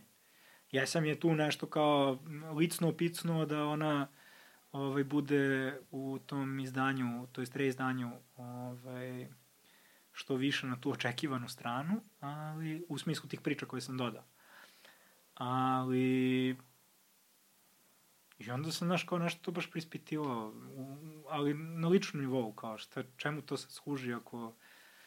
Nemam pojma. To je valjda ta konstantna neka sukobljavanja koje imaš, kao ti bih hteo s jedne strane da budeš čitan iz svih razloga mogućih, a s druge strane te malo plaši da te kao baš svi čitaju jer šta to onda znači. Ja? Tako je. Ti, ali I onda ono... tako stalno ta neka igranka ovaj, sa samim sobom. Da, ovaj... dođeš u taj neki paradoks da kao imaš potrebu da budeš nekako čitan, da. ali kao da ako te mnogo ljudi čita, da li si ti po automatizmu i nekako zglajznuo u neku vrstu to, to. Uh, opšteg mesta i neku vrstu opšte pre, prepoznatljivosti, da, da, odnosno da. opštosti. Ajde reći. Ne, opšte mesto, to je to, to, da. to, to, to si ubo. E sad, po ovim komentarima koji nastaju posle cele ove knjige Ana, po zanimanju Ana Miloš, odnosno mog razotkrivanja, vidim da su tu dosta pomešane emocije u tom smislu, odnosno tumačenja, jer upravo to, sad neki ljudi koji su bili u fazonu Ana Miloš je strava i sve u vezi s nje i to jest u vezi s njom i knjigom i tako dalje, sad kao, a ne on kao u stvari nije, ne znam, ovo dobro pročitao ili ovo dobro napisao ili ne znam, shvatio i tako dalje i tako dalje. Ono, nemam baš dobre ženske, kako kažem, uvide u neke teme i šta već. I sad ti imaš totalno oprečna mišljenja od jednih ti istih ljudi koji su ovo samo zato što je bila autorka hvalila, a sad zato što, znači, da, opet ali, vrednuju delo isključivo po, po... Ali u onom, u onom intervju je čak meni bio jedan simpatičan uh, moment Kom? de, uh, ovom intervju u Hrvatskoj, ono što Aha, ovo četvoro, jasno. Da, da, da, ono četvoro. Jasno, jasno. Gde je ova jedna od uh, devojaka, mislim, jed, devojka, prokomentarisala taj moment da kao hvali Anu Miloš opet s jedne strane, priča o toj kao književnosti, gde ona kao da li je mogla provali ili nije mogla provali, da li se to, to je apsolutno nebitan moment kome je toliko da, dato značaja da je to mm. za to postalo banalno. Uh, gde ona kaže u jednom trenutku hvali tu taj feministički jezik, iako ti nis, nemaš alate da to shvatiš, a onda dođe i kaže u jednom trenutku da ti možda i nisi neki pisac. Mm. Pa da. I kao, a čekaj, hvalila si Anu Miloš i opet drugi, gde si samo i sebi, to je taj penal koji ona sama, ono, odnosno autogol koji je sama sebi dala. Pa da, to su ti autogoli, to je ta, kažem, kognitivna disonanca gde ti shvataš da neko ne može da prihvati da se to desi. Da. Zaista, kao neka vrsta odgovora, odnosno reakcije nije... na neku Tako je. Ali kao da nije ni sam, sama dovoljno sposobna da promisli o tome šta će sledeće da kaže, jer potire samu sebe. E, pa ne bih, mislim, taj intervju, to jest razgovor, to četvr ljudi kaže, meni je gadan zato što je u najavi već ofarban u smislu, ono, poslali su katran i perje po meni i kao to je to. Tako da, šta god. Pritom tu su neki totalno random ljudi. Mislim, Meni ovaj, ne, ne, pa ne, ne, okej, okay, ne u tom smislu, ali ne znam zašto su sad baš, jasno mi je zašto Dunja Ilić. Zato što je ona pisala Ani Miloš, zato što je ona zvala Anu Miloš na Zagrebački sajam i zato što je ova autorka emisije intervjuisala posle sajma. Za verovatno tu istu televiziju, zaboravio sam više. Mariju, mislim, Aha, koja je bila na sajmu u Zagrebu. Ali, ovaj, recimo, meni je čudno takvo ovaj, čitanje i toliki otpor baš ovaj, od moje prezimenjakinje Ilić, jer ona je recimo jedna od redkih osoba koja je, i to je, ja mislim, bio i prvi neki kao važniji, veći tekst ili primećeniji svakako, koja je u tom naletu hajpa oko uhvati zeca Vane Pastašić bila napisala ono, konkretnu, ozbiljnu, dugačku kritiku protiv tog romana. U smislu, mislila je da je taj roman loš, I upravo da te neke stvari koje mu se pri, pridaju kao velikom nekom ovaj, ženskom feminističkom delu su u stvari samo kao neke neki događajčići usput, ali da ta knjiga nije ovaj, kako da kažem, u svojoj srži. I sad, znaš, ti, čud, znaš, ti onda u tom okay, trenutku... svašta je prošlo između, to su drugačije knjige, drugačije autorke, ne, ne bih da poredim, ne bih povišno Ali prosto nego, ti imaš svest o tome... Imaš autorku koja je ipak ovaj, dosta onako bila spremna da ide mimo te glavne struje, to hoće... mišljenja... I imaš svega, osjećaj da ta žena u suštini promišlja, promišlja da, o tome da. što, što se dešava, da ne ide uz... Uh, pa da, ono...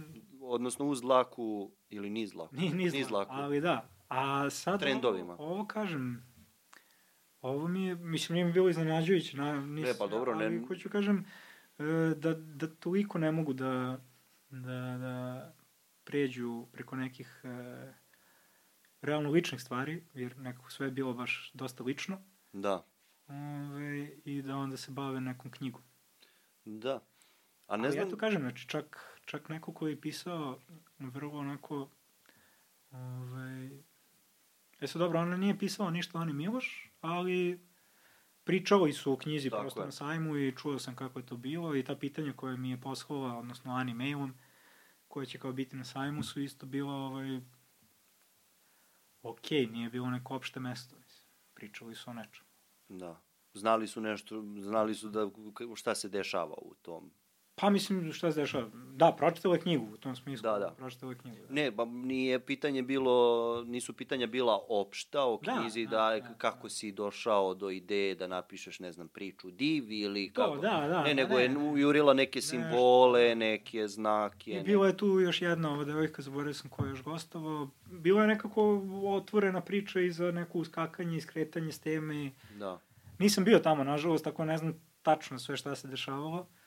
Marija mi je to prepričala koliko god se sećala toga, ali e,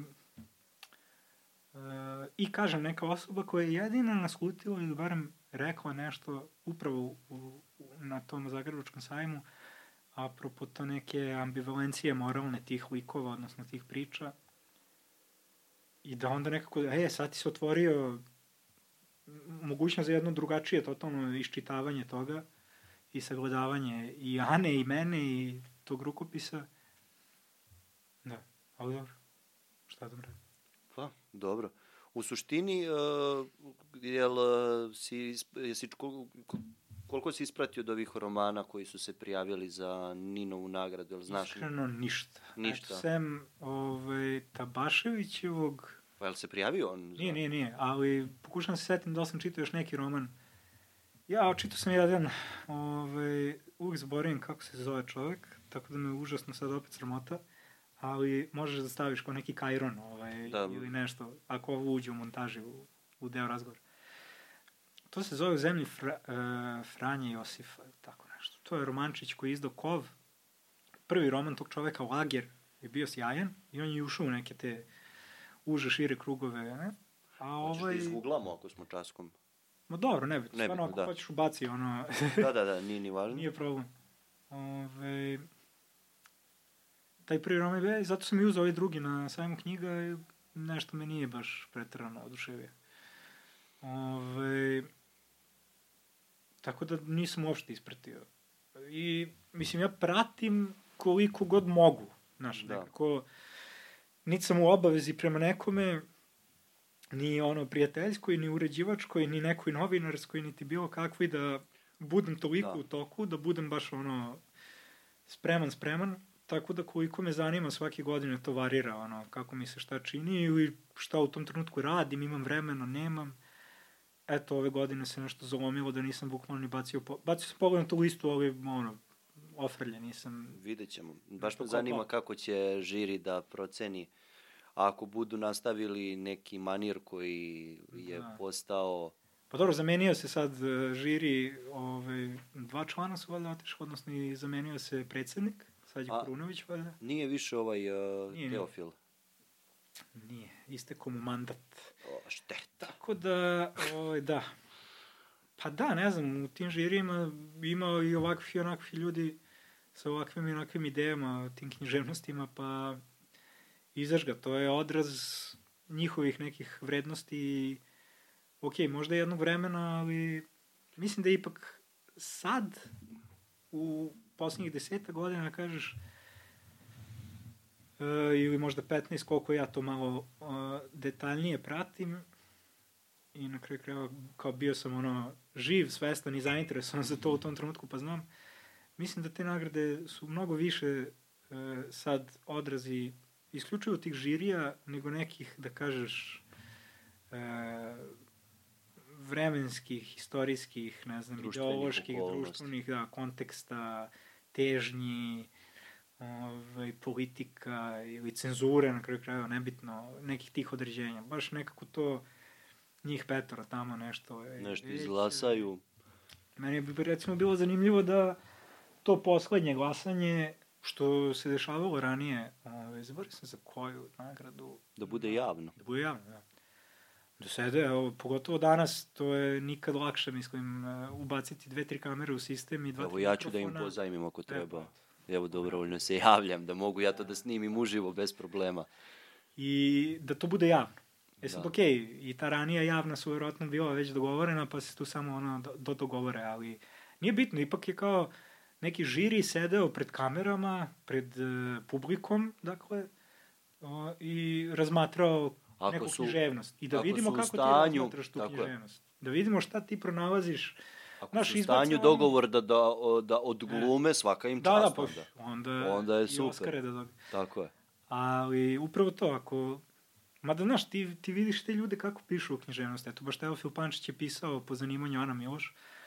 Je pisao? Ma da, to je neki tekst, ja ne znam šta je to. Kao on je pisao ne, ne, neki šaljivi, cinični dijalog između Miloša Ilića i Ane Miloš, kao i ono, nešto me pljuvalo. Ali to je toliko van, van sveta i svega da mislim katastrofa. Pa, ja ne znam da li taj čovek bilo šta smisleno vezano za Dobro, kritiku. ima, ima, ima on u prošlosti. Mnogo dugačak i širok opus i novinarski i književni i uopšte taj neki kao, ajde kažeš, pop kulturni, pa u tom smislu ne bi ga tek tako otpisao. Kao, A dobro. Pogotovo ne zbog ove jedne stvari, ali svakako, znaš, Mislim, taj žiri je dao i neke ono izjave tipa da ne znam, ne znam ko je to govorio od njih, kao da nikad nisu čitali Gilgameša ili da im je to nešto bez veze. Onda ovaj jedan je sad skoro pisao nekom romanu, pa je nešto rekao da je taj roman posebno dobar jer su u njemu ne pojavljaju ni jedan Balkanac, iako je pisan kao ovde. Mislim, koji su to vrednostni sudovi? Da. Znaš, da roman je, kao roman je super, posebno što nema nijednog Boga. Čekaj, bre. Mislim, okej, okay, ne mora da ima, ne, Ne, ne, ali ajde da vidimo onda bar tih najužih 5-6, da vidimo vaše poslednje ovaj, vašu poslednju borbu za glasanje za baš taj jedan koji vam se dopada i zašto vam se dopada. To bi bio cirkus. Mislim. Ja sam, na primer, sad, ja, kada je Tabaševiću ono izmakla ona Ninova mm. nagrada, uh, odnosno kada je dobila, ne mogu se sjetiti kako, to sam već spominjao, ne, ne mogu se sjetiti kako zove ta, ta, je, ta knjiga. Na A se nešto zove, joj, joj, joj. Za, kada je njemu izmako pakao. Mm -hmm. Za pakao. Šta je to, Basara, ono? A... Nije, neka dramatur, tu, dramaturškinja, tvoja koleginica je tu, joj, posle toga pravi, ne, nije ni važno. Ne, ne Google ljudi, da. Totalno je nebitno, ni, ni, ni roman je generalno onako lošiji, da ne kažem katastrofalan. Dobro. Uh, I sad, kako, ajde sad kao da li ja imam pravo da to komentarišem, ali ono kao je stvarno izašlo, izlazilo iz svih okvira bilo čega. I sad, uh, sledeće godine su onda posle toga dali Tabaševiću sa drugim njegovim romanom i bili su u fazonu, sad će oni njemu da začepe usta sa tim gde su oni njemu zabranili faktički na neki način, mislim zabranili, nisu zabranili, da, da ljudi koji učestvuju u tom bojkotu, ni nove nagrade, neće moći više da dobiju nikada laureat. Ma ja, pa dobro, taj, mislim, prvo promenit će se ceo žiri još za par godina, pa... Će se to i zaboraviti. Valjda će nešto i da se promeni i generalno u književnosti, i u tom bojkotu, i u tom žiriju, i tako dalje, i tako dalje. Možda će NIN da opet ode na neki doboš, pa da drugi vlasnik dođe, druga garnitura unutar njega i da. uredničke politike to sve utiče jedno na drugo, mislim, nije, nije to nebitno. I ne sumnjam da ove, može da dobije drugu i treću kao da viča ove, njenu nagradu ako, ako ove, se kažem neke stvari promene. Ali, mislim, ona jeste neko merilo svih stvari na ovim prostorima i druge nagrade se prave po njoj.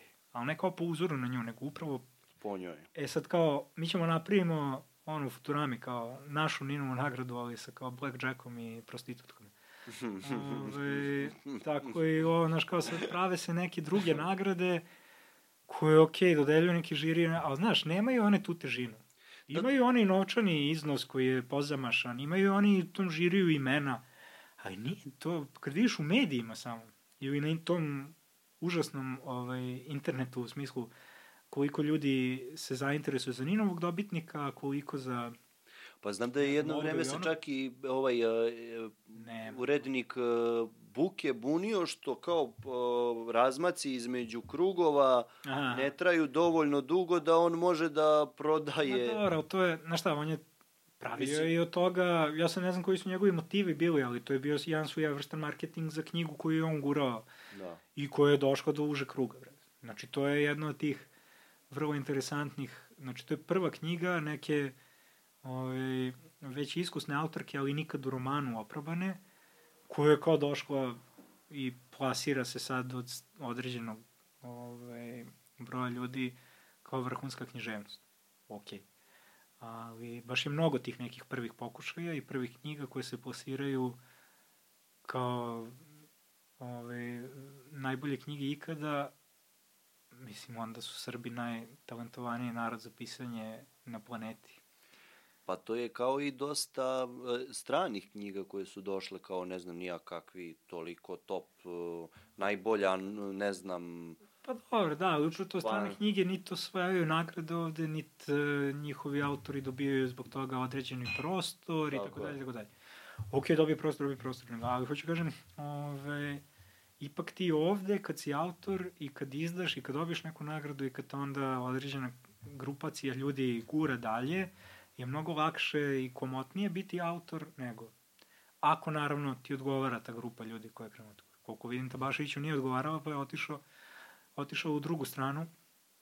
Ok, sad ovaj, gura ovu priču kao iz kontra u smislu bojkotuje nagradu kao i ovi ostali autori. Ok, Svi su tu iz nekih svojih pozicija. Tako je, nećemo da motiva. da ulazimo. Nema veze, pa ne, ne ra, previše su različiti Tako je. i autori, i poetike i sve da bi sad kao to nešto, nije ni bitno. Na kraju krajeva oni su prepoznali da u toj nagradi postoji jedan problem, ovakav i onakav i neće da ima ništa s njom. E sad kažem, ove druge nagrade, ok, to svakako nije loše dobiti i kao kakvu takvu medijsku pažnju, kao da, taj novac, ali... kao, ali nemaju one, prosto nemaju taj simbolički kapital koji poslednjih 70 e, godina skoro ovaj, ima Ninova nagrada. Ali to. pitanje je sad koliko uopšte e, bilo koja nagrada u književnosti, za književnost, za nešto što je u suštini, ajde imaš ti neke objektivne parametre koje, koje hmm. neko delo čini dobrim ili lošim, ali u suštini je to nekako, čim je nekako umetničko delo ili se vodi kao takvo, spada pod dosta subjektivne parametre. Pa dobro, to ne bi, upravo to, ne bi trebalo postoje toliko subjektivni parametri. Moja jeste književnost i umetnost otvorena za različite tumačenja i ako i jeste, odnosno ako je doživljava više ljudi na različite načine, to pokazuje koliko ona bogata, više slojna i, Tako je. i, i koji koji u stvari umetnost. Ali trebalo bi ipak da postoji ove, nešto što će da nam bude odrednica. Kao šta je glavna struja, šta je underground, šta je ovo, šta je ono. Tako je. I da onda mi u odnosu na to možemo da se slažemo, ne slažemo itd. A ti ovde nemaš nikakvu, ni, mislim imaš naravno i književnu kritiku i teoriju, ja, a ona je u toliko ilegali po tim nekim časopisima koje niko ne čita, Da. o, ili po nekim dubioznim portalima na internetu koje tek niko ne čita, da ti u stvari onda nemaš to neko prirodno okruženje u kojem književnost nastaje, u kojem se formira i u kojem se razvija. Pa to je, ja sam, ja, I- na primjer, nisam imao osjećaj koliko ljudi takve stvari ne čitaju, kao što Da. su ti portali, zato što ih ja čitam, pa sam ja imao osjećaj kao da to čita neko, još neko pored Ne, mene. niko, niko. To apsolutno ne dolazi ni do koga. A nije- Ljudi nemaju pojma vezano za to. Ti čak i kad podeliš nešto na društvenim mrežama, ko zna da li to neko Da li to neko prošlo, kliknuo ili preletaš, Da. Tako da, znaš, to je prosto, generalno nije baš najbolje okruženje za umetnost u Srbiji. I novčano, i akademsko, i to, ovaj, kako se zove. Izvini, nisam. Ništa, bre. Pustio laptop. Znači, kažem, ni to, uh, ni jedno, ni jedan aspekt u umetnosti u Srbiji, odnosno, ajde, kao se držimo književnosti, tu sam se oprobao, nije baš sjajan. Ali ona svakako postoji mimo toga, odnosno uprko svemu tome. Ali čini joj se šteta jer nema tih nekih stvari koje je takođe čine. Da. U smislu tog vrednovanja, kritike, tumačenja, teorije i tako dalje. I uspostavljanja nekih, um, da kažeš, tokova ili ne znam čega. Mislim, svega toga što bismo mogli da kao prepoznamo kao određene činioce, da nečije poetike ili skupa ne, nekog pa njihovih poetika i tako dalje. Da, ali sad onda po automatizmu onda- ta nagrada postaje besmislena jer kao ti nemaš... Pa nemaš, da, nemaš ti, imaš čoveka koji je mrtav ladan, kažem ti, napisao da je roman odličan jer u njemu nema Balkanca. Tako je. I na osnovu toga će, mislim, to je... taj roman je to je- procenjen kao dobar. A A, ne, a pazi, pritom to je znači čovek koji sedi u žiriju te najveće nagrade, tako je.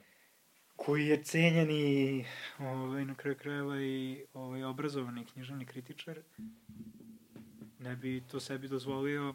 E, ali to opet dolazimo ono kao, nema urednika, pa ni u novinama očigledno, nema, nema tih sita, nema tih vrednostnih ove, Pa dobro, to je neko, to, to neko vrsta novinarstva i odavno, moraš da, da prođeš. odavno crkla zato što, mislim, crkla. Nije, nije, ali je eto takva. Da, ja, mislim, e, odnosno ta vrsta da ti, tebi se sad novinarstvo baziva, to je već sto puta ispričano na taj neki clickbait, To da, to da. i onda daj napravi nešto što će da prodaje, ne, ne, Pa da, ovo nije čak ni to. Ovo je negde u sredini teksta, Tako. usputna rečenica, razumeš, koju verovatno niko nije ni pročitao, jer kao što smo rekli, niko to nije ni čita.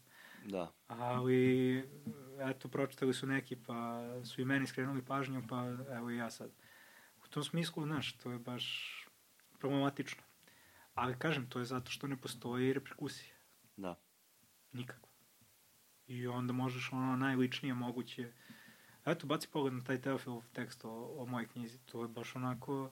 Pritom ja ga ne, nisam ga čak ni na zdravo upoznao nekad negde nešto. Znači, a to je toliko kao da se mrzimo već 20 godina na tom nivou. A pa dobro, da. Mislim, besmisleno. E, šta čitaš sad ovako? Nastasijević. Ali zaista, da, pa ponovo čitam Nastasijevića, onako na, na preskok, na, na slobodno.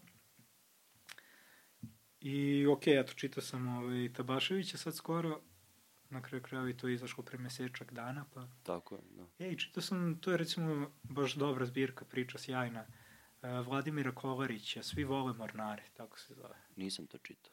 ima taj onako malo sugestivni, malo ono pop ovaj, naslov, ali uopšte nisu takve priče. Priče su baš onako e, svedene, mirne, e, tako, na, na nekom karverovskom tragu, ili možda je više kao ovom Limonovljevom, Eduarda Limonova. Uh, to sad govorim iz čiste predrasude, ali znam da autor ovaj, voli rusku književnost i da je baš u tome verziran. Ali većina knjige je podeljena onako na kao imena tih uh, uh, junaka koji se pojavljuju pričama i o njima je priča, ali sve imaju jedan vrlo onako sličan, uh, objedinjujući taj jezik koji to pravi kao neku celinu, malo te onaj film Noć na zemlji, ne znam ako si gledao Čarmuša, takav neki utisak dobijaš, onako obični, ljud, priče o običnim ljudima, nepretenciozne, a nabijene onako ovaj, sadržinom i, i, i značenjem. Baš, baš dobro priče. A, dobro. Eto to, ne znam da li sam još nešto uzeo čitam u poslednje vreme. Ali kažem, bukvalno Anastasijević na presku, kvada sam ga zato toliko i pominjao. Pa moguće, pa tu kao Ali, i... kažem, i Hlepnikova i... uvek na preskok, mislim, i Davičo uvek na preskok, odnosno, ne na preskok, nego to kao. E, načitao sam ih se, pa sad kao znam šta mi je omiljeno, a onda opet kad nešto zaboravim, onda mi je još draže kao da opet imam nešto Kubajagi novo od, da. od tog autora koga volim. Tako to su neki ljudi kojima se vraćam konstantno. Da, vraćaš se često knjigama koje si čitao već ili... Naravno, naravno. Ali zaista tim koje su me oduvale, ono, koje mi znače da.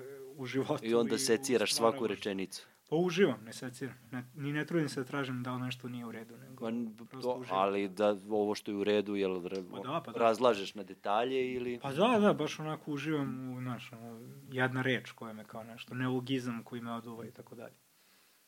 Tako da to, to je to. Je to. Evo sad si mi ti poklonio knjigu, pa ću to sigurno da čitam, ali, ovaj, ali ne, ne, ne, apsolutno nije, nije ono kao zato što se snima i dalje. da, ali dobro. Ali, ali da, tako dobiješ i od nekih ljudi, naravno, knjige, pa kao i... Ja, ja to tako imam nekako strah kad poklonim tu neku knjigu, sad ono, logičan splet događaja kad izdaš knjigu da ti to nekom pokloniš, ali nekako... Pa dobro, uvek je to sad kao, ono, kao u nekoj maloj ljubavnoj igri, ovaj, kao uslovljavaš me da te volim. Ovaj, ali... da, da, ja više volim ono kad mi neko kaže iskreno da. mišljenje, koje će na neki način da... Da... Ali kažem, već samim tim gestom ti sad ne poklonio knjigu i kao, ne, da. to je ipak već neka ovaj, konstrukcija ovaj, emotivno očekivajuća. da, da. Ništa, uh, u suštini ja bi ovde nekako zaokru, mislim... Može, brate, ispričali smo ispričali se. smo se, neke stvari smo čak i podcrtavali, da. ovako... Dobro, treba, ovo ljudi slušaju ono dok peru, peglaju nešto, tako pa da čuju ponovo. Ja, ja recimo slušam podcast pred spavanje, tako e, da, pa, da, ja volim onako kad neko ima sugestivan glas, lagan. e, pa, ajde, to mi je rekao, to mi je rekao, glasove, da. to mi je rekao jedan drug, kaže, ja tvoj podcast slušam pred spavanje, kaže, ti imaš takav glas da me uspavaš da, da odmah, da. kaže. Da, to je ono ko, ko proročište u Delfiju, ono, da. Rekao ti je kao i, i pokudio te i pohvalio te. Pa dobro, da, moguće, moguće. Ništa, hvala ti puno što si bio. Hvala tebi na pozivu. Ja se radujem budućim tvojim knjigama hvala, i jedva čekam da vidim u, u kom će sad ova igra sa Ano Miloš, u kom će, na kom, na, na, gde će odvesti Miloša Ilića. Da. I, to je pitanje. Da. Ali sa Anom je gotovo, to je to, mislim. Ba, dobro, više ne, ne bi imalo ni smisla pa to. Da, pa da. Tako da jedva čekam da vidim šta dalje ide od tebe, tako da radujem se ovoj tvojoj zbirci priča, pa ćemo videti. Isto, isto, hvala ti, bit ćemo u kontaktu. Važi, ništa, to je to.